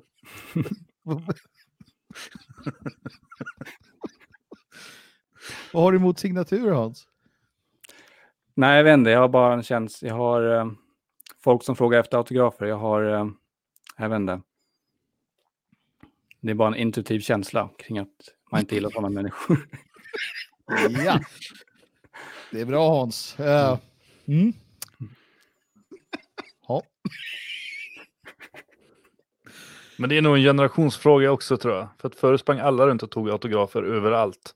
Mm. Nu, nu så ska alla ta selfies istället. Eller såna här groupies. Mm. Det var så jävla sjukt, jag måste ju berätta det. Idag, jag satt och körde flyttbilen. Och så den där jävla kunden krävde att få åka med för att hon inte kunde gå mellan bostadsadresserna. Och så bara när hon sitter och kör så bara tar hon fram kamera. Så bara, is it okay if I take a selfie? Så alltså, fick jag sitta och köra och försöka se lite glad ut där. Alltså, jävla dumt. Där är sinnet sjukt. Jag hade hellre skrivit en autograf. Varför pratar hon engelska med dig? Eh, för att hon var ryss. Och jag förstår inte ryska. Vad tänker du om de som vill ta selfies med folk då Hans? Ja, det är, Är det värre? Ja, det är, väl, det är väl på samma nivå skulle jag säga. Men eh, Vad ska man göra då om man vill eh, få ett, en personlig skiva? Ska man vilja elda lite i kanten? ja, eller ja. Ja, det blir ingen inte. personlig skiva från Hans. Men det om man bästa är... är... väl om man, eh, om man vill ha riktigt personligt, är att jag själv eh, lämnar över skivan till den som vill ha den. Just det. bästa. Mm. Fast Då får man inte dokumentera det när Du- det sker. Hans, eh, spelar du live också eller? Ja, så in, inte så här de riktiga studioversionerna. Nej, det kan jag inte säga att jag gör. Men eh, någon akustisk version skulle jag kunna spela live och eh, har spelat live. Eh, så att eh, Jag tänker vi har ju ett stort jävla hus med en scen och sådär och folk som kanske Mm. vill sådär. Eh, Jag tänkte boka dig här nu, live, online liksom. Ja, men du kan ju fundera på det. Vad fan, sitta och plinka lite där kanske eller så. Du kan, nu blir han sur för att jag Mm. plinkar, det är inte det han gör, det är ju fan konst. Men du vet vad jag menar. ja, ja. Ja, Jag får fundera på saken. Så att, eh, Precis, Hans spelar i Svenskarnas hus. Perfekt! Vi har uh, urskogen på gång. Fantastiskt. mm. Mm. Kommer bli en del eh, musik här nu. Vi börjar få ordning på det där. Vi, vi har ju en husherre som kommer leda oss eh, genom eh, seklerna i huset där. Ja, det, huset, eh, det blir bra. Mm, mm, mm. Ja, ja. Ja, jag tackar för att jag fick ringa in. Tänkte avvika här nu och lämna plats för andra som eventuellt vill ringa in och visa upp sin tvätt eller liknande. Precis. Ja, men det gör du rätt i. Vi Mm. tackar för att du var med Hans. Ha det bra så Ja. ses vi. Ja, hej. Jaha, ja. Det var Hans det. Urskogen. Undrar om han gillar urskog, Hans. Att han är ofta urskog. Matle. Ja, hejsan! Tjena. Halloj! God afton eh, nationalister! God Friska afton. God afton. här. Jo, jag vill eh, säga det här att eh, den där Johnny var någonting på spåren som han Mm. inte riktigt visste hur han skulle uttrycka det på ett korrekt sätt. Eller korrekt. Jag är politiskt inkorrekt, defekt, whatever. Jag är utanför. Så att, men det är ju så här att de höga herrarna på Arsenalsgatan, där har vi Wallenberg. Det är de som styr den feta jävla, det hor, horhuset på, i Rosenbad. Det är de som styr alltihopa. Där har vi hela den här jävla pandemicirkusen. Här har vi fallande ekonomier. Här har vi sharia-lagar i Malmö. Här har vi brinnande bildäck i hela jävla Sverige. Och de jävla äcklen sitter i Sverige och gör inte ett jävla skit. Nu är det dags att eh, gå upp med eh, hårda jävla eldgafflar till Rosenbad. Jag har sagt det, jag säger det igen. Jag är 50 eh, år. Jag har varit nationalist sedan jag var 16 pannor. Jag är 50 år nu. Det räcker nu. När ska vi ta tillbaka vårt jävla land? Innan det är ett sjunkande förbannat. Det är pajasclowner överallt. Det är det jag ville säga. Vad har ni att säga till det? Kan ni hjälpa mig tror ni? Ja, vi, vi, vi ska göra vårt bästa va, för att också, också uppfylla den här, den här kallet som du hade här, den, Ja. den här uppmaningen. Jag, jag, jag är med dig, va? Jag, jag tycker det är en bra idé och vi, vi jobbar Ja. på det där. Va? Och jag tycker du för fram det på ett fantastiskt trevligt sätt, mycket medryckande. Eh, Ja. Mer sånt, bra artikulerat också så att man hänger med där. Så att, eh, nej, men jag, Det jag, jag, jag är på, jag är på. Eh, Jag var uppe jävla... i och drack vatten mer för någon, några, ja, då när det var så varmt. Jag åkte, Ja. ja, Drack vatten gjorde du ja. Det var bra det. Eh, jag köpte någon hamburgare. Var Pilström var bra tycker jag. Det var trevligt. Ja, ja, ja. Jag börjar, jag börjar misstänka att jag kanske vet här. Ja, ja. Yes. Du får komma, komma på besök igen va? Eh, Ja, det ska jag göra. Och sen så fortsätter vi upp till Arsenalsgatan när de där feta jävla svinen. Ja, precis. Det Mm. tycker jag. Bra. Det tycker jag vi ska göra. Vi ska krossa etablissemanget och ta tillbaka Sverige. Det- och de här musselmännen, det arabiska partiet vill ju skicka ut alla, läste jag på fria tider idag, eh, alla som är svenskar kan flytta till andra länder, tycker de. Arabiska partiet, direktcitat ifrån eh, fria tider. Ja, Alltså- men där har vi den här jävla 68-vänstern. Där Någonstans alltså, men någonstans så skulle jag tycka det var rätt kul ändå. Om vi säger okej, så drar vi. Alltså alla svenskar drar och så var arabiska Nej. partiet och deras... Jo men tänk dig, hur lång tid tar det innan vi kan flytta hem igen? Eh, och de Ja. har dragit härifrån. Det tar ett halvår, det tar en vinter. Sen har alla de åkt hem. med ett vapen. Ja, men det kan vi ju inte göra. Det är ju olagligt. Ja, men vi måste ju ta tillbaka vårt land. Vi måste ju försvara oss. Vår heder, vår stolthet. Vår, våra förfäder vänder sig i gravarna nu och undrar vad fan håller ni på med? Ja, nej, det är klart. Klart vi ska göra det. Va? Men eh, naturligtvis bara med, med, med metoder som är inom Svea rikes lag. Allt annat Ja. vore vansinnigt. Ja, ja, jo, Ja, nu sa jag något opolitiskt korrekt igen. Jag är en fallen ängel. Det finns många sådana. Nej, men det är jättebra. Vi, vi tar det där till oss och så tackar vi och så ska vi se om det finns någon annan Tack som så vill. eh, Ni gör ett fantastiskt jobb. Så Kämpa mycket. vidare. Ha det Det så bra. Ha det bra. Hej! Så där, då ska vi se om det finns några, några fler personer där. Alternativt om det finns några frågor. Ludvig får lägga upp dem i sådana fall. Uh, Jag sitter bara här och betraktar. Ah, Du, har, har du något att säga eller? För nu, nu funkar det Nej. helt plötsligt. Ja, jag, eh, jag, jag har liksom sparat in internet nu, så nu har jag lite på lager. Det är lite som när du, på, när du är i huset också. Du sitter mest tyst i ett hörn och stirrar på folk. Det är liksom jävla sjukt det där. Det är som du gör nu. Ja, men sen säger jag saker och de är viktiga. Ja, vi, jag vet att du Vi väntar på det. Ja, Jaha, ska vi se här. Ja, jag vet inte. Sådär. Har Ludvig stuckit eller? För det kommer ju inga Ja, sådana han, frågor. så. han, han tyckte att han, han var klar med det här. Va? Um, och Dan tyckte han var klar med det här. Sen kom han tillbaka. jag vet inte. Uh, och sådär. Ja, och det är säkert en del. I, i, i, ses på lördag där. Ha.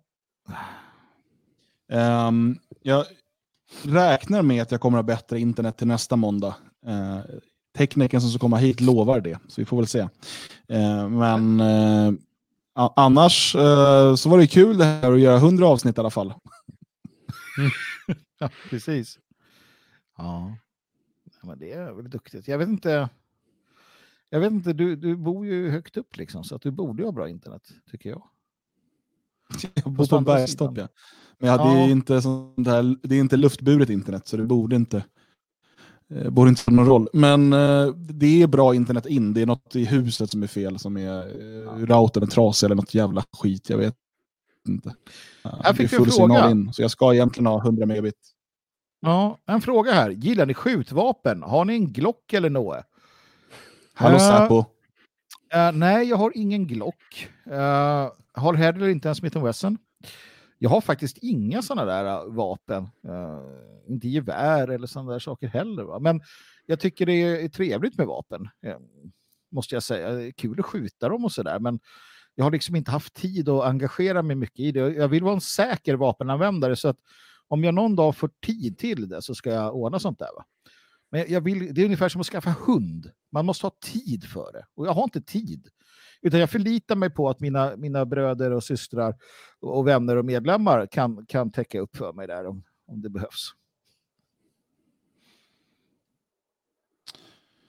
Ja, jag eh, har ju såklart inte heller några vapen. Eh, det vore ju högst olagligt. Jag tycker dock att de är väldigt trevliga att, att, att, att, att handha och sådär. Och jag eh, är på väg att bli medlem i en skytteförening här där jag bor. De, de tjatar på mig. De tycker att det vore bra för mig.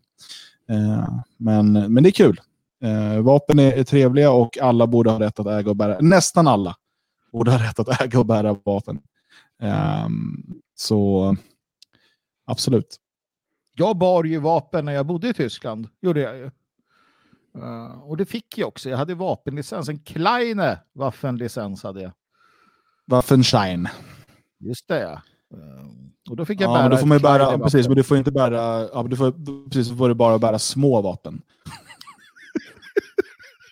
Precis. Centimeter handlar det. Inte miniatyrer av allt. Ja. Max fyra centimeter pistol. Ja, nej, men då fick man ju ha, då fick man ju ha eh, tårgas och ehm, eh, knallskotts eh, pickadoll. Va? Och, och det hade jag ju. Sen efter ett tag så gick man med den där och så liksom orkade man inte släpa runt på den. Eh, så slutade jag med det helt enkelt. Jävla konstig man är va? Ja, det är underligt. Ja, eh, så är det. Björn, berätta om dina din- vapen. Ja, Oj, eh, har vi tid? Eh, nej, jag är ganska ointresserad av uh, skjutvapen. Så att, ehm, det har jag inga. Ehm, jag kan tycka det är kul att skjuta med dem, men jag har inget eh, intresse så, så att jag skulle... Ja. Alltså hade, hade jag haft egen jaktmark så hade jag säkert skaffat mig ett jaktvapen. Men, eh, men eh, nej, jag funderar på pilbåge faktiskt. Eh, jag hade en sån här armborst ett tag, men det får man ju inte ha, så det har jag inte. Eh, den var lite rolig att gå runt med i skogen och skjuta på träd och sånt. Eh, angrep jag ganska kraftigt. Bara på kommunal mark, så att eh, det var inte så att jag förstörde eh, ogemensamma skogar. Men eh, nej, inga, inga mm, roligare vapen än så. Mm. Ja, men vad bra. Eh, eh, den frågan får man väl se om man är där tänkte jag säga. Det fanns en Jag bättre sitter och läser fråga. i. Mariestadstidningen just nu. Är de oss eller? Ja, det är att eh, de asylsökande ska flytta ifrån Töreboda och från Elgarås. Alltså. Va? Vad tråkigt. Ja, men där... Ja, de, tydligen så ska de sticka nu. Här. Inom ett år så är de borta. Det gäller att... Vad vad- vad- vad tråkigt va? Det har vi fixat. Det. Alltså så här, jag vill... Ja, men det är intressant. Det ska jag kolla på. Men du, vi har en fråga här. Eh, från Joel. Eh, ser ni någon fredlig lösning på det här? Och nej, jag tror bara... Jag tror att... Alltså, eh, Svegot och sådär, det kan bara gå under i, i blod och eld. Va? Interna konflikter, mycket bråk. Du vet, jag, Dan och Björn kommer på kant med varandra och sådär. Så att jag tror inte att vi kan, att, det, att det, det måste bli ofred här. till sist. Ja, eller att vi bara dör allihopa. Ja, det skulle vara det då. Det är ju jävligt jobbigt också. Eller sådär. Jag Någon skojar bara. Det var inte det det handlade om. Det är ju den situation vi befinner oss i. Och om jag ska vara seriös, det finns inget ehm, historiskt exempel på ett system som har tillskansat sig så mycket makt som detta som helt plötsligt kommer på att frivilligt ge bort det för att på något sätt respektera människors frihet eller liknande. Det finns inte. Det har, det har liksom inte skett. Um, så att nej, fredligt uh, kommer det inte bli. Men nivån av ofred, den är väldigt svår att sia om. Va? Ehm, vi ser vad som händer i USA, vi ser vad som händer i andra delar av världen. Vi, vi har kunnat se hur det, hur det har, hur- det har liksom utvecklats i vissa arabländer, Libanon och så tidigare. Men uh, Uh, och vi har ju så, så, naturligtvis historien då, Sverige och, och, och vi har liksom långt tillbaka i historien. Men det är inte heller representativt för oss idag. Så att det är väldigt ny mark. Uh, inga av de gamla lagarna liksom gäller på det sättet, uh, känns det som. Och, och jag tror att det man kan vara säker på är att det kommer inte gå fredligt tillväga. Men det behöver inte heller bli det värsta vi kan tänka oss.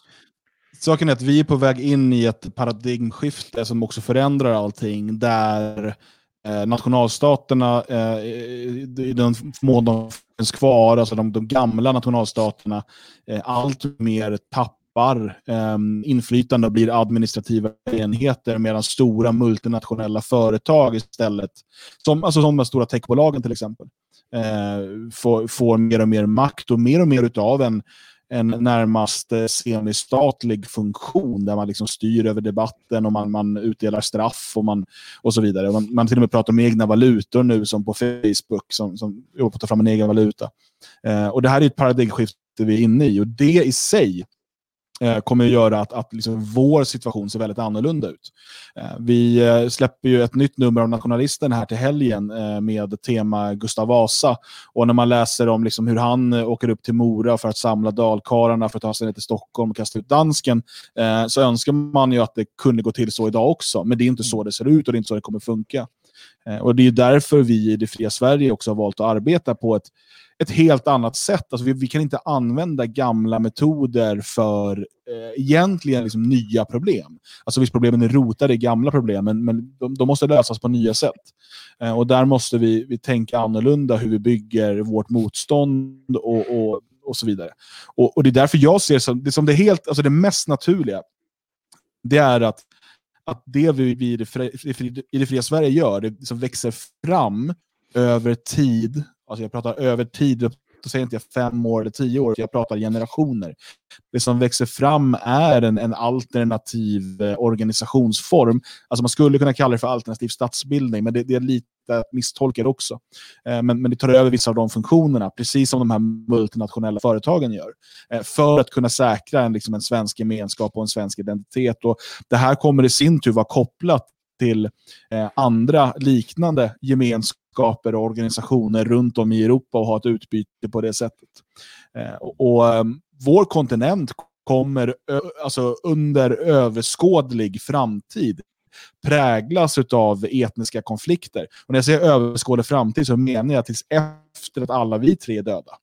Eh, det, det, kommer fortsätta på vår kontinent med eh, stora eh, delar av den, eh, och utav, utav olika städer, eller hela städer och hela regioner som blir dominerade av andra folkgrupper. Och det är bara upp till oss hur mycket resurser, människor och, och, och kompetens kan vi samla för att dels freda oss själva, men också för att med tiden utvidga vårt eget livsrum. Mm. Björn, vad säger du? Ehm, nej, jag kan inte haka på med något sånt där uh, fartigt och glatt här nu. Så jag kommer ju bara sabba stämningen om jag sitter här och ska lägga någon lång utläggning av något slag. Mm. Skit i min åsikt. Just det, mm, då är frågan... jag måste ta det här, jag vet att vi... Sara här. Hej, har ni gett alla vacciner till era barn? Hade ni tagit covid-vaccin om det krävdes för att resa inom EU? Uh, nybliven mamma, grattis till dig. Uh, alla vacciner till era barn? Nej, inte alla. Uh, de här uh, första vaccinerna. gav jag för att de tyckte jag var så pass, ehm, så pass fungerande va? Och prövade, så det var inga konstigheter.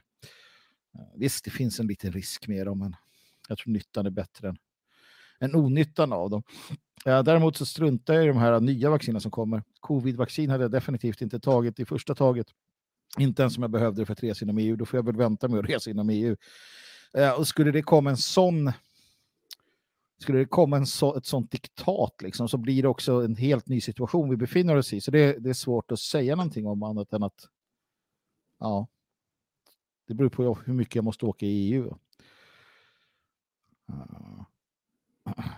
Ja, det var min, mitt svar på den. Ja, Jo, TBE tog jag också. Det tog jag här i, i år har vi fixat TBE. Jag vill inte ha hjärninflammation så det tycker jag är rätt bra. Nu är jag inte ute i skogen så ofta, men det var kul att ta vaccinet i alla fall.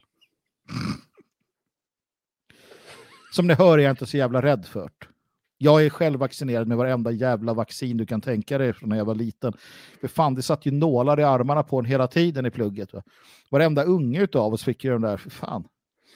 Sen tänker jag att det är rätt skönt att ha det där, för att nu ser vi ju hur, hur en massa otrevliga saker som vi hade utrotat kommer tillbaka med massinvandring och mångkultur. Så att, jag vet inte. Sån är jag. Varsågoda. Um, ja, jag, eh, när det gäller de vacciner som är gamla och beprövade och så vidare så uh, har jag inte haft några problem med att uh, ge dem till mina barn. Um, däremot är jag ointresserad av alla de här eh, nya, speciellt de som inte har liksom, testats under lång tid. Och vad gäller covid-vaccinet, nej, ehm, då, eh, då väntar jag hellre eh, och, och ser. Ehm, men, men man måste skilja så all...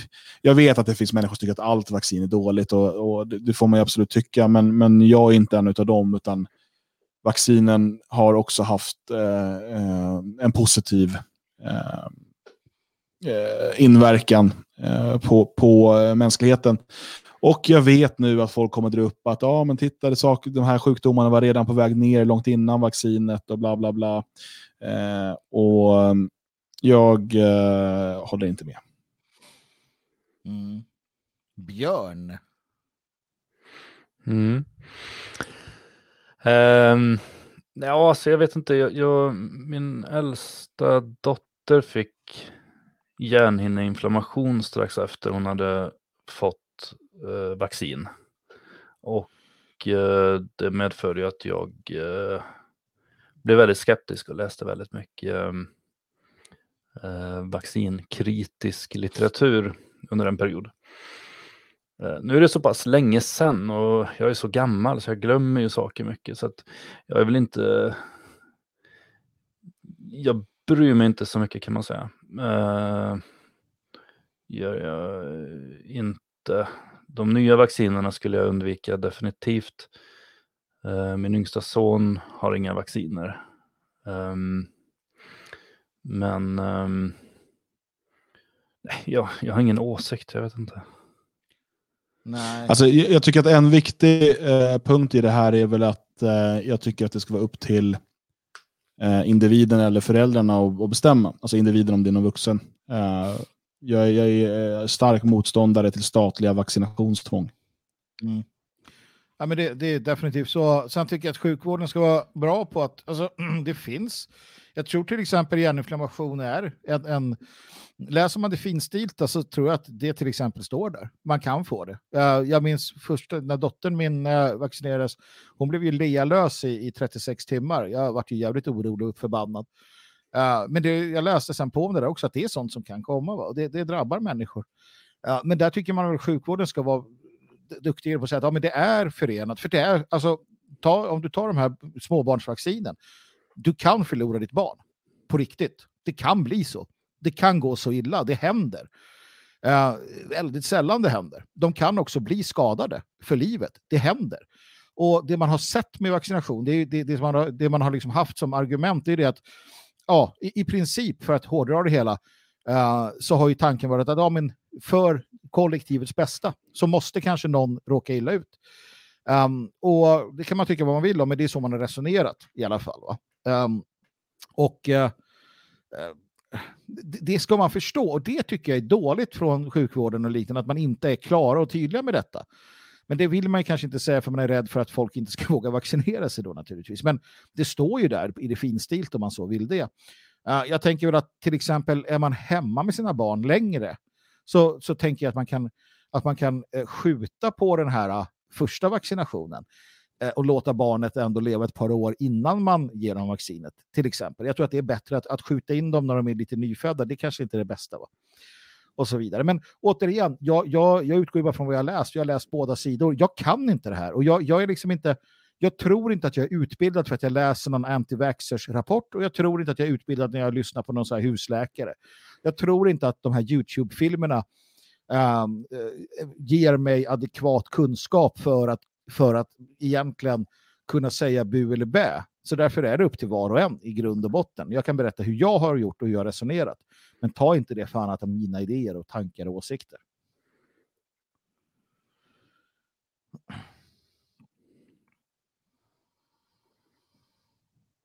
Ja. Vem är det som är programledare egentligen? Det är ju du. Jaha, känns som långben. Uh, Jaha. Eh, hur hanterar man när en familjemedlem hyser sympatier med Centerpartiet? Det beror ju på vad man har för känslor från början för, för, för den här centerpartisten. Och ja, vilken familjemedlem det är. Alltså det är också lite olika. Är det liksom en- någon, någon kusin från landet eller är det eh, ens fru? Liksom? Mm. Hur fan skulle det kunna vara ens fru? Ja, ja, just det. Jag glömde kusin från landet och fru är samma för dig. Men alltså det är ju, det, det, ja det skulle kunna vara det. Nej men vadå, de får väl vara centerpartister om de vill tänkte jag säga. Ja, ja, alltså, det beror på hur jävla uppkäftiga de är och om de håller på i så här, uh, måste liksom driva frågan och så, så, så får de väl, då får man väl ta det för vad det är och, och säga åt dem och liksom hålla snattran. Men generellt sett så tycker jag att man ska hålla frid i familjen så långt det går. Um, speciellt om det är nära familj. Ja, jag är ett tydligt exempel på att man inte gjorde det kanske. Och det är inte så jävla kul i efterhand. Det är många, många, många törnar genom åren då. Uh, så går det så ska man. Sen, får, sen tycker jag att vi är ganska, eh, som vanligt, de mest generösa. Varje gång jag pratar med nationella som säger, ja men min morsa eller så här, de är alltid så där, de är inte på krigsstigen. De säger, jag önskar bara att vi kunde skita i det. Medan de andra, det är alltid på, på, på hela tiden. Va? Mm. Um, så att det, det kan jag ju tycka är lite, uh, lite sådär irrit- irriterande. Va? Men nej, jag tror inte att man ska göra familjen eller hemmet till ett politiskt slagfält, tror jag inte. Nej, och är det så att man inte kan umgås utan att bli ovänner, ja då får man nog helt enkelt umgås mindre. Alltså det, det är inte svårare än så. Det, det, det är det alternativ man har.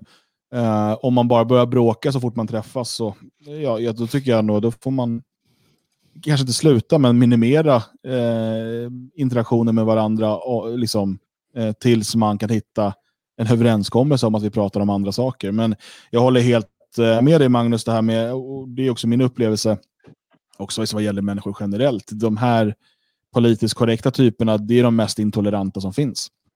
De kan inte acceptera att någon tycker annorlunda, eh, utan det ska bråkas om det hela tiden och, och det ska liksom, du får inte träffa den personen eller ja, du vet. Alla de här sakerna. Eh, det är ju väldigt sällan som, som man, det liksom är nationella som, som beter sig på det viset. Björn. Jo, nej, men det bästa är ju inte låtsas om det. Alltså, nu har jag inga centerpartister i, i min familj eh, eller anhöriga. Eh, vågar jag väl hävda ganska bestämt. Men väl eh, vänsterextremister och så. Eh, och jag menar, det är väl inte så att vi ringer varandra varje dag och pratar om massa grejer, men när vi träffas så pratar vi väl om andra saker. Eller så sitter vi och driver med varandras rörelser och så. Det är också ganska roligt. Ehm, men, men ehm, ja. man kan ju, alltså är det någon man träffar väldigt mycket och som alltid måste prata politik, då får man väl försöka lite smått förstå varför de har blivit, eh, alltså valt det parti de har valt och så kanske försöka visa att det kan ju finnas bättre alternativ om det är den frågan du brinner för. Eh, jag tror inte att många egentligen blir centerpartister för att de brinner för eh, att det ska brinna överallt, utan kanske eh, mer för småföretagare eller vad som helst. Och då kan man väl försöka finna någon väg där att leda dem att, att komma därifrån. Inte bara direkt kasta fram en Mein Kampf och säga att läs den här för fan så kommer du fatta. Utan eh, små, små, små steg. Hela tiden. Eh, men sen är det inte säkert att det kommer funka ändå för att de kan ju sätta sig emot allt du säger just för att de har en väldigt förutfattad mening om vad du tycker och prata om något annat då. Mm. Rimligt. Rimligt. Ja, det har varit eh, tekniska eh, strul denna kväll. Det är det som, eh, liksom, ska man säga, som utmärker detta jubileumsavsnitt. Eh, men det tycker jag är bara passande. Jag menar, vi har hållit på med det här nu i, i åtta år. Eh, och eh, i massa olika format. Och de här tekniska strulen har helt enkelt varit en, en, en eh, följeslagare hela vägen. Mm. Så det är ju passande att de är med också under detta, denna jubileumssändning. Eh, eftersom jag är så trött på de här tekniska strulen så tänkte jag att vi ska ta avrunda nu. Vi har heller inte tagit någon paus så att vi, jag tycker att vi är värda det. Ja, det kan jag tycka. Och jag säger samma som du där. Jag är jävligt less på de här eh, tekniska strulen. kommer vara bättre här lördagar framöver i Svenskarnas hus. eh, kan jag säga. Mm, om man vill. Den som vill ha sändningar helt utan lagg Ja, precis. Ska väl... i realtid hålla ögonen öppna. Alltså, lördagar i Svenskarnas hus. Detaljerna om detta kommer ju berättas om på nyöppningsfesten. Men ehm, ja, man precis bör, som- så här, har du en kalender, som, se till att varje lördag är tom. det kommer finnas Ja. saker att göra. Ja, jo, så, så kommer det vara lite grann. Det blir riktigt kul. Eh, och, och som sagt, eh, jag är lite mossig i huvudet rent generellt, va? men eh, ni som följer Det fria Sverige på sociala medier ser varför. Ja, det händer mycket på huset, Svenskarnas hus, hela tiden. Uh, jag skickar bilder till Dan idag och du, som du såg, va? Det, det händer mycket. Och vår husherre, han har, han har nästan vuxit fast i, i, på liften vi har där när det har varit eh, jobb utomhus och många har varit där och slitit eh, hund alltså. Uh, så att uh, jag tänkte lägga mina Idag så var jag med och, och slet några timmar. Jag tänkte lägga några timmar imorgon och sen kan jag också säga att jag har varit med. Alltså, jag bara tänkte på en sak, det här med koranbränning. Ja, men vad fan. Ja. Ja, men, ja, men så här. Jag, jag, bara, jag, jag vill bara veta hur de tänker. Vad tror ni? För att de blir jättearga om man bränner en koran. Det, det vet vi. Mm. Men om man har... Jag har ju koranen som pdf. Om jag raderar den. Vad är den egentligen? Alltså jag gör det för att jag vill radera koranen. Det är därför jag gör det. Men om du slänger den i papperskorgen, eller du tar den Ja. och så... Ja, ja det är kört. Men, Ja, men om du gör det öppet, så du, om du går ut i förväg och säger att eh, nu ska jag ha ett antimuslimskt möte och jag kommer trycka i mobilen så att Koranen som jag har där försvinner. Och det Ja. gör jag eh, för att eh, påvisa att muslimer är dumma. Just det, och så, så, kan jag, så, kör, jag- jo, så gör jag med sån här eh, projektor på någon stor sk- skärm där man får se hur jag liksom drar den till papperskorgen och så jublar alla. Ja. Eh, blir muslimerna arga då tror du? Ja, det tror jag. Varför inte? Jag fattar de det då, tänkte jag säga. Det var ju taskigt kanske. Det finns väl klart muslimer som förstår internet och datorer och sådär. Ja, men det är väl syftet som är det provocerande. Jag menar, de bränner ner skolor hela tiden och där lär det ju finnas massa koraner i biblioteken. Det är ju ingen som upprörs för det. Alltså, det ju som en fråga som ställdes på Twitter. Om man lägger Koranen synligt i sin bil, kommer man slippa bilbränningar då? det beror ju på vilka det är som bränner bilarna också. Ja, men ja, det är inte bara muselmaner förstås. Det kan ju vara så kristna jävla dårar också. Då. Ja, sen tror Om jag vi- inte att Om vi döper alla våra avsnitt eller? till Koranen, då kan inte YouTube ta bort dem. Nej, det går ju inte. Men det blir svårt att hitta rätt avsnitt. Om vi Ja. döper till bög, Koranen, Shalom. Bögkoranen tror jag det kommer uppskattas. Fan, Göran Rosenberg börjar prenumerera direkt. Liksom. Bindefält. Subscribe. Men jag tror, för jag, jag, jag hörde någon intervju någon gång med någon journalist som hade varit i massa sådana här arabländer och så hade han varit på ett hotell Där det sprang in massa jävla terrorister och började skjuta folk. Eh, och då hade han en koran där så att han så här, höll upp den. Och då så här, typ, tittade de på honom och så lämnade de han och gick därifrån. Så efter det hade jag ju alltid med mig Koranen när jag åkte runt på alla såna här arabländer. Eh, så var det, jag kommer inte ihåg vilket land det var, Marocko eller något. Så hade jag den liggande då på sängen där, eller från början så hade jag inte den framme utan eh, så, städarna var ju där varje dag och jag la ju alltid fram några mynt och som dricks och så och det gick ju bra. Sen så låg den framme vid något tillfälle då. Och så kom han sen då och sa, ah, är, du, är du muslim? Så jag nej, nej, jag är inte muslim. Så men, men du är intresserad av eh, Koranen? Och så bara, ja, jo, absolut. Så och sen efter det så bara var det alltid perfekt städat och han rörde aldrig dricksen igen. Så att det, det är alltid bra att ha med sig en Koran. Det tycker jag. Jag hade en, en koran äh, också en gång ja, på väg hem. Ja. Jag hade köpt den på bokrean och, och gick förbi pizzerian där jag bodde på den tiden. Och gick in och naturligtvis så småpratade man lite med honom. Så sa jag, fan ser det här Ahmed vad jag köpte idag? Så. Och då tog han den där jävla koranen, rökte under handen på mig, så pussade han den. Och så pussade han den och så tryckte han den mot, mot så pannan. Och så gav han tillbaka den. Jag bara, vad fan gör du? Så här, men det är helig bok. Så här, ja, ja. Ja, schyssta liksom. Så här. Men ja, det var inte mer med det. Ja. Vad roligt om vi bara bestämmer en bok som vi gör så med. Ja. Jag tänker den här Tant Brun, Tant Grön, Tant Gredelin, eller vad heter den? Ja, just det. Så vi ser den så måste vi pussa på den. Ja. Ja. Telefonkatalogen. Ja, men, vi är klara. Tack för idag då. Eller? Hörrni, eh, butik.friasverige.se. Eh, tjacka kläder och, och kaffemuggar och sånt där. Eh, och se till att vi kan fortsätta ha dålig kvalitet på eh, sändningar. Eh, så får vi se. Vi är förmodligen tillbaka nästa måndag. Eh, avsnitt 101. Eh, Sverige vaknar sänder varje vardag morgon. In på detfriasverige.se, bli medlem. Ni vet allt det här. Eh, ni har full koll. Eh, och jag räknar med att alla redan är medlemmar, eller hur Magnus? Ja, absolut. Det räknar jag också med. Hörrni, jag vill bara kolla en grej med er. Om jag säger till er att jag ska ut och panga en Dora, fattar ni vad jag säger då? Ja, du ska ut och... och Upp, eh, upp, upp, upp. Björn, fattade du det? Nej. du ska klirra en ruta.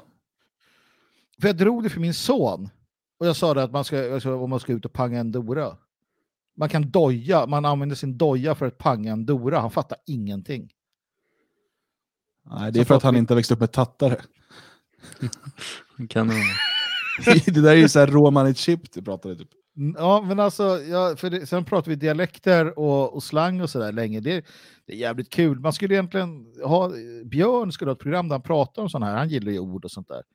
Jag tycker det är jäkligt spännande ändå. Liksom, och vad, man, vad man vet. Och så som Dora till exempel. Det hade, det hade man inte på Gotland tydligen. Det hette en annat. Rauk kanske. Eller. Ja. allt, allt faktiskt heter Rauk.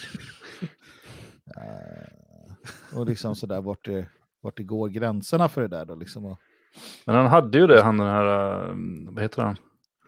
Fredrik. Ja, han, hade, han har haft massa sådana program. Ja. Det behöver ju inte göras fler. De är bra. Ja men det är sant, de är bra. Han åker runt i sin bil och pratar med så här olika personer och så. Mm. Han har gjort flera säsonger. De har hetat olika saker men det har typ varit samma program typ- hela tiden. Typ världens bästa språk, världens värsta språk och så vidare tror jag det heter. Ja, Just det. jättebra Det program. Men vad hade Mm. ni för, vad, hade ni någon, någon slang från Gotland då? Vad sa ni om fönster? Vad, vad var det då? Mycket om får va? Fönster tror jag. Jag tror, jag tror inte... Nej. Känner du Babben Larsson? Nej, nej, jag gör inte det. Jag... Om vi åker eh, till Gotland en gång så kan jag peka ut huset hon växte upp i.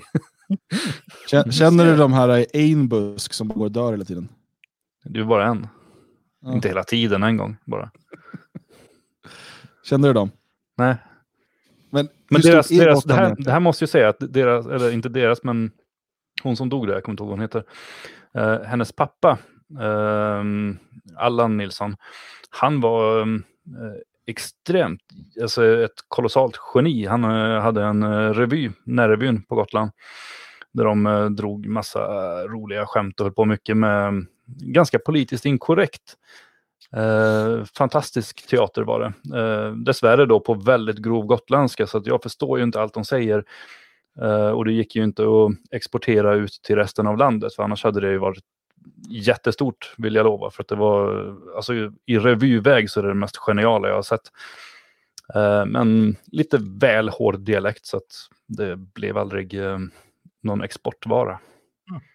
Ja, jag måste fråga en annan där. Du kommer ändå från Gotland. Go- Gotland. Ja, det vet jag inte hur man säger. Men alltså för 20 år sedan någonting. Uh, ungefär 20 år sedan. Så var jag där under medeltidsveckan och åkte taxi och lite småfull. Uh, en jävligt snygg tjej. Uh, taxichaffis. Uh, blond, uh, pratar gotländska. Hon var ju alltså inby- in, inbyggd. In, in, vet du vem det var?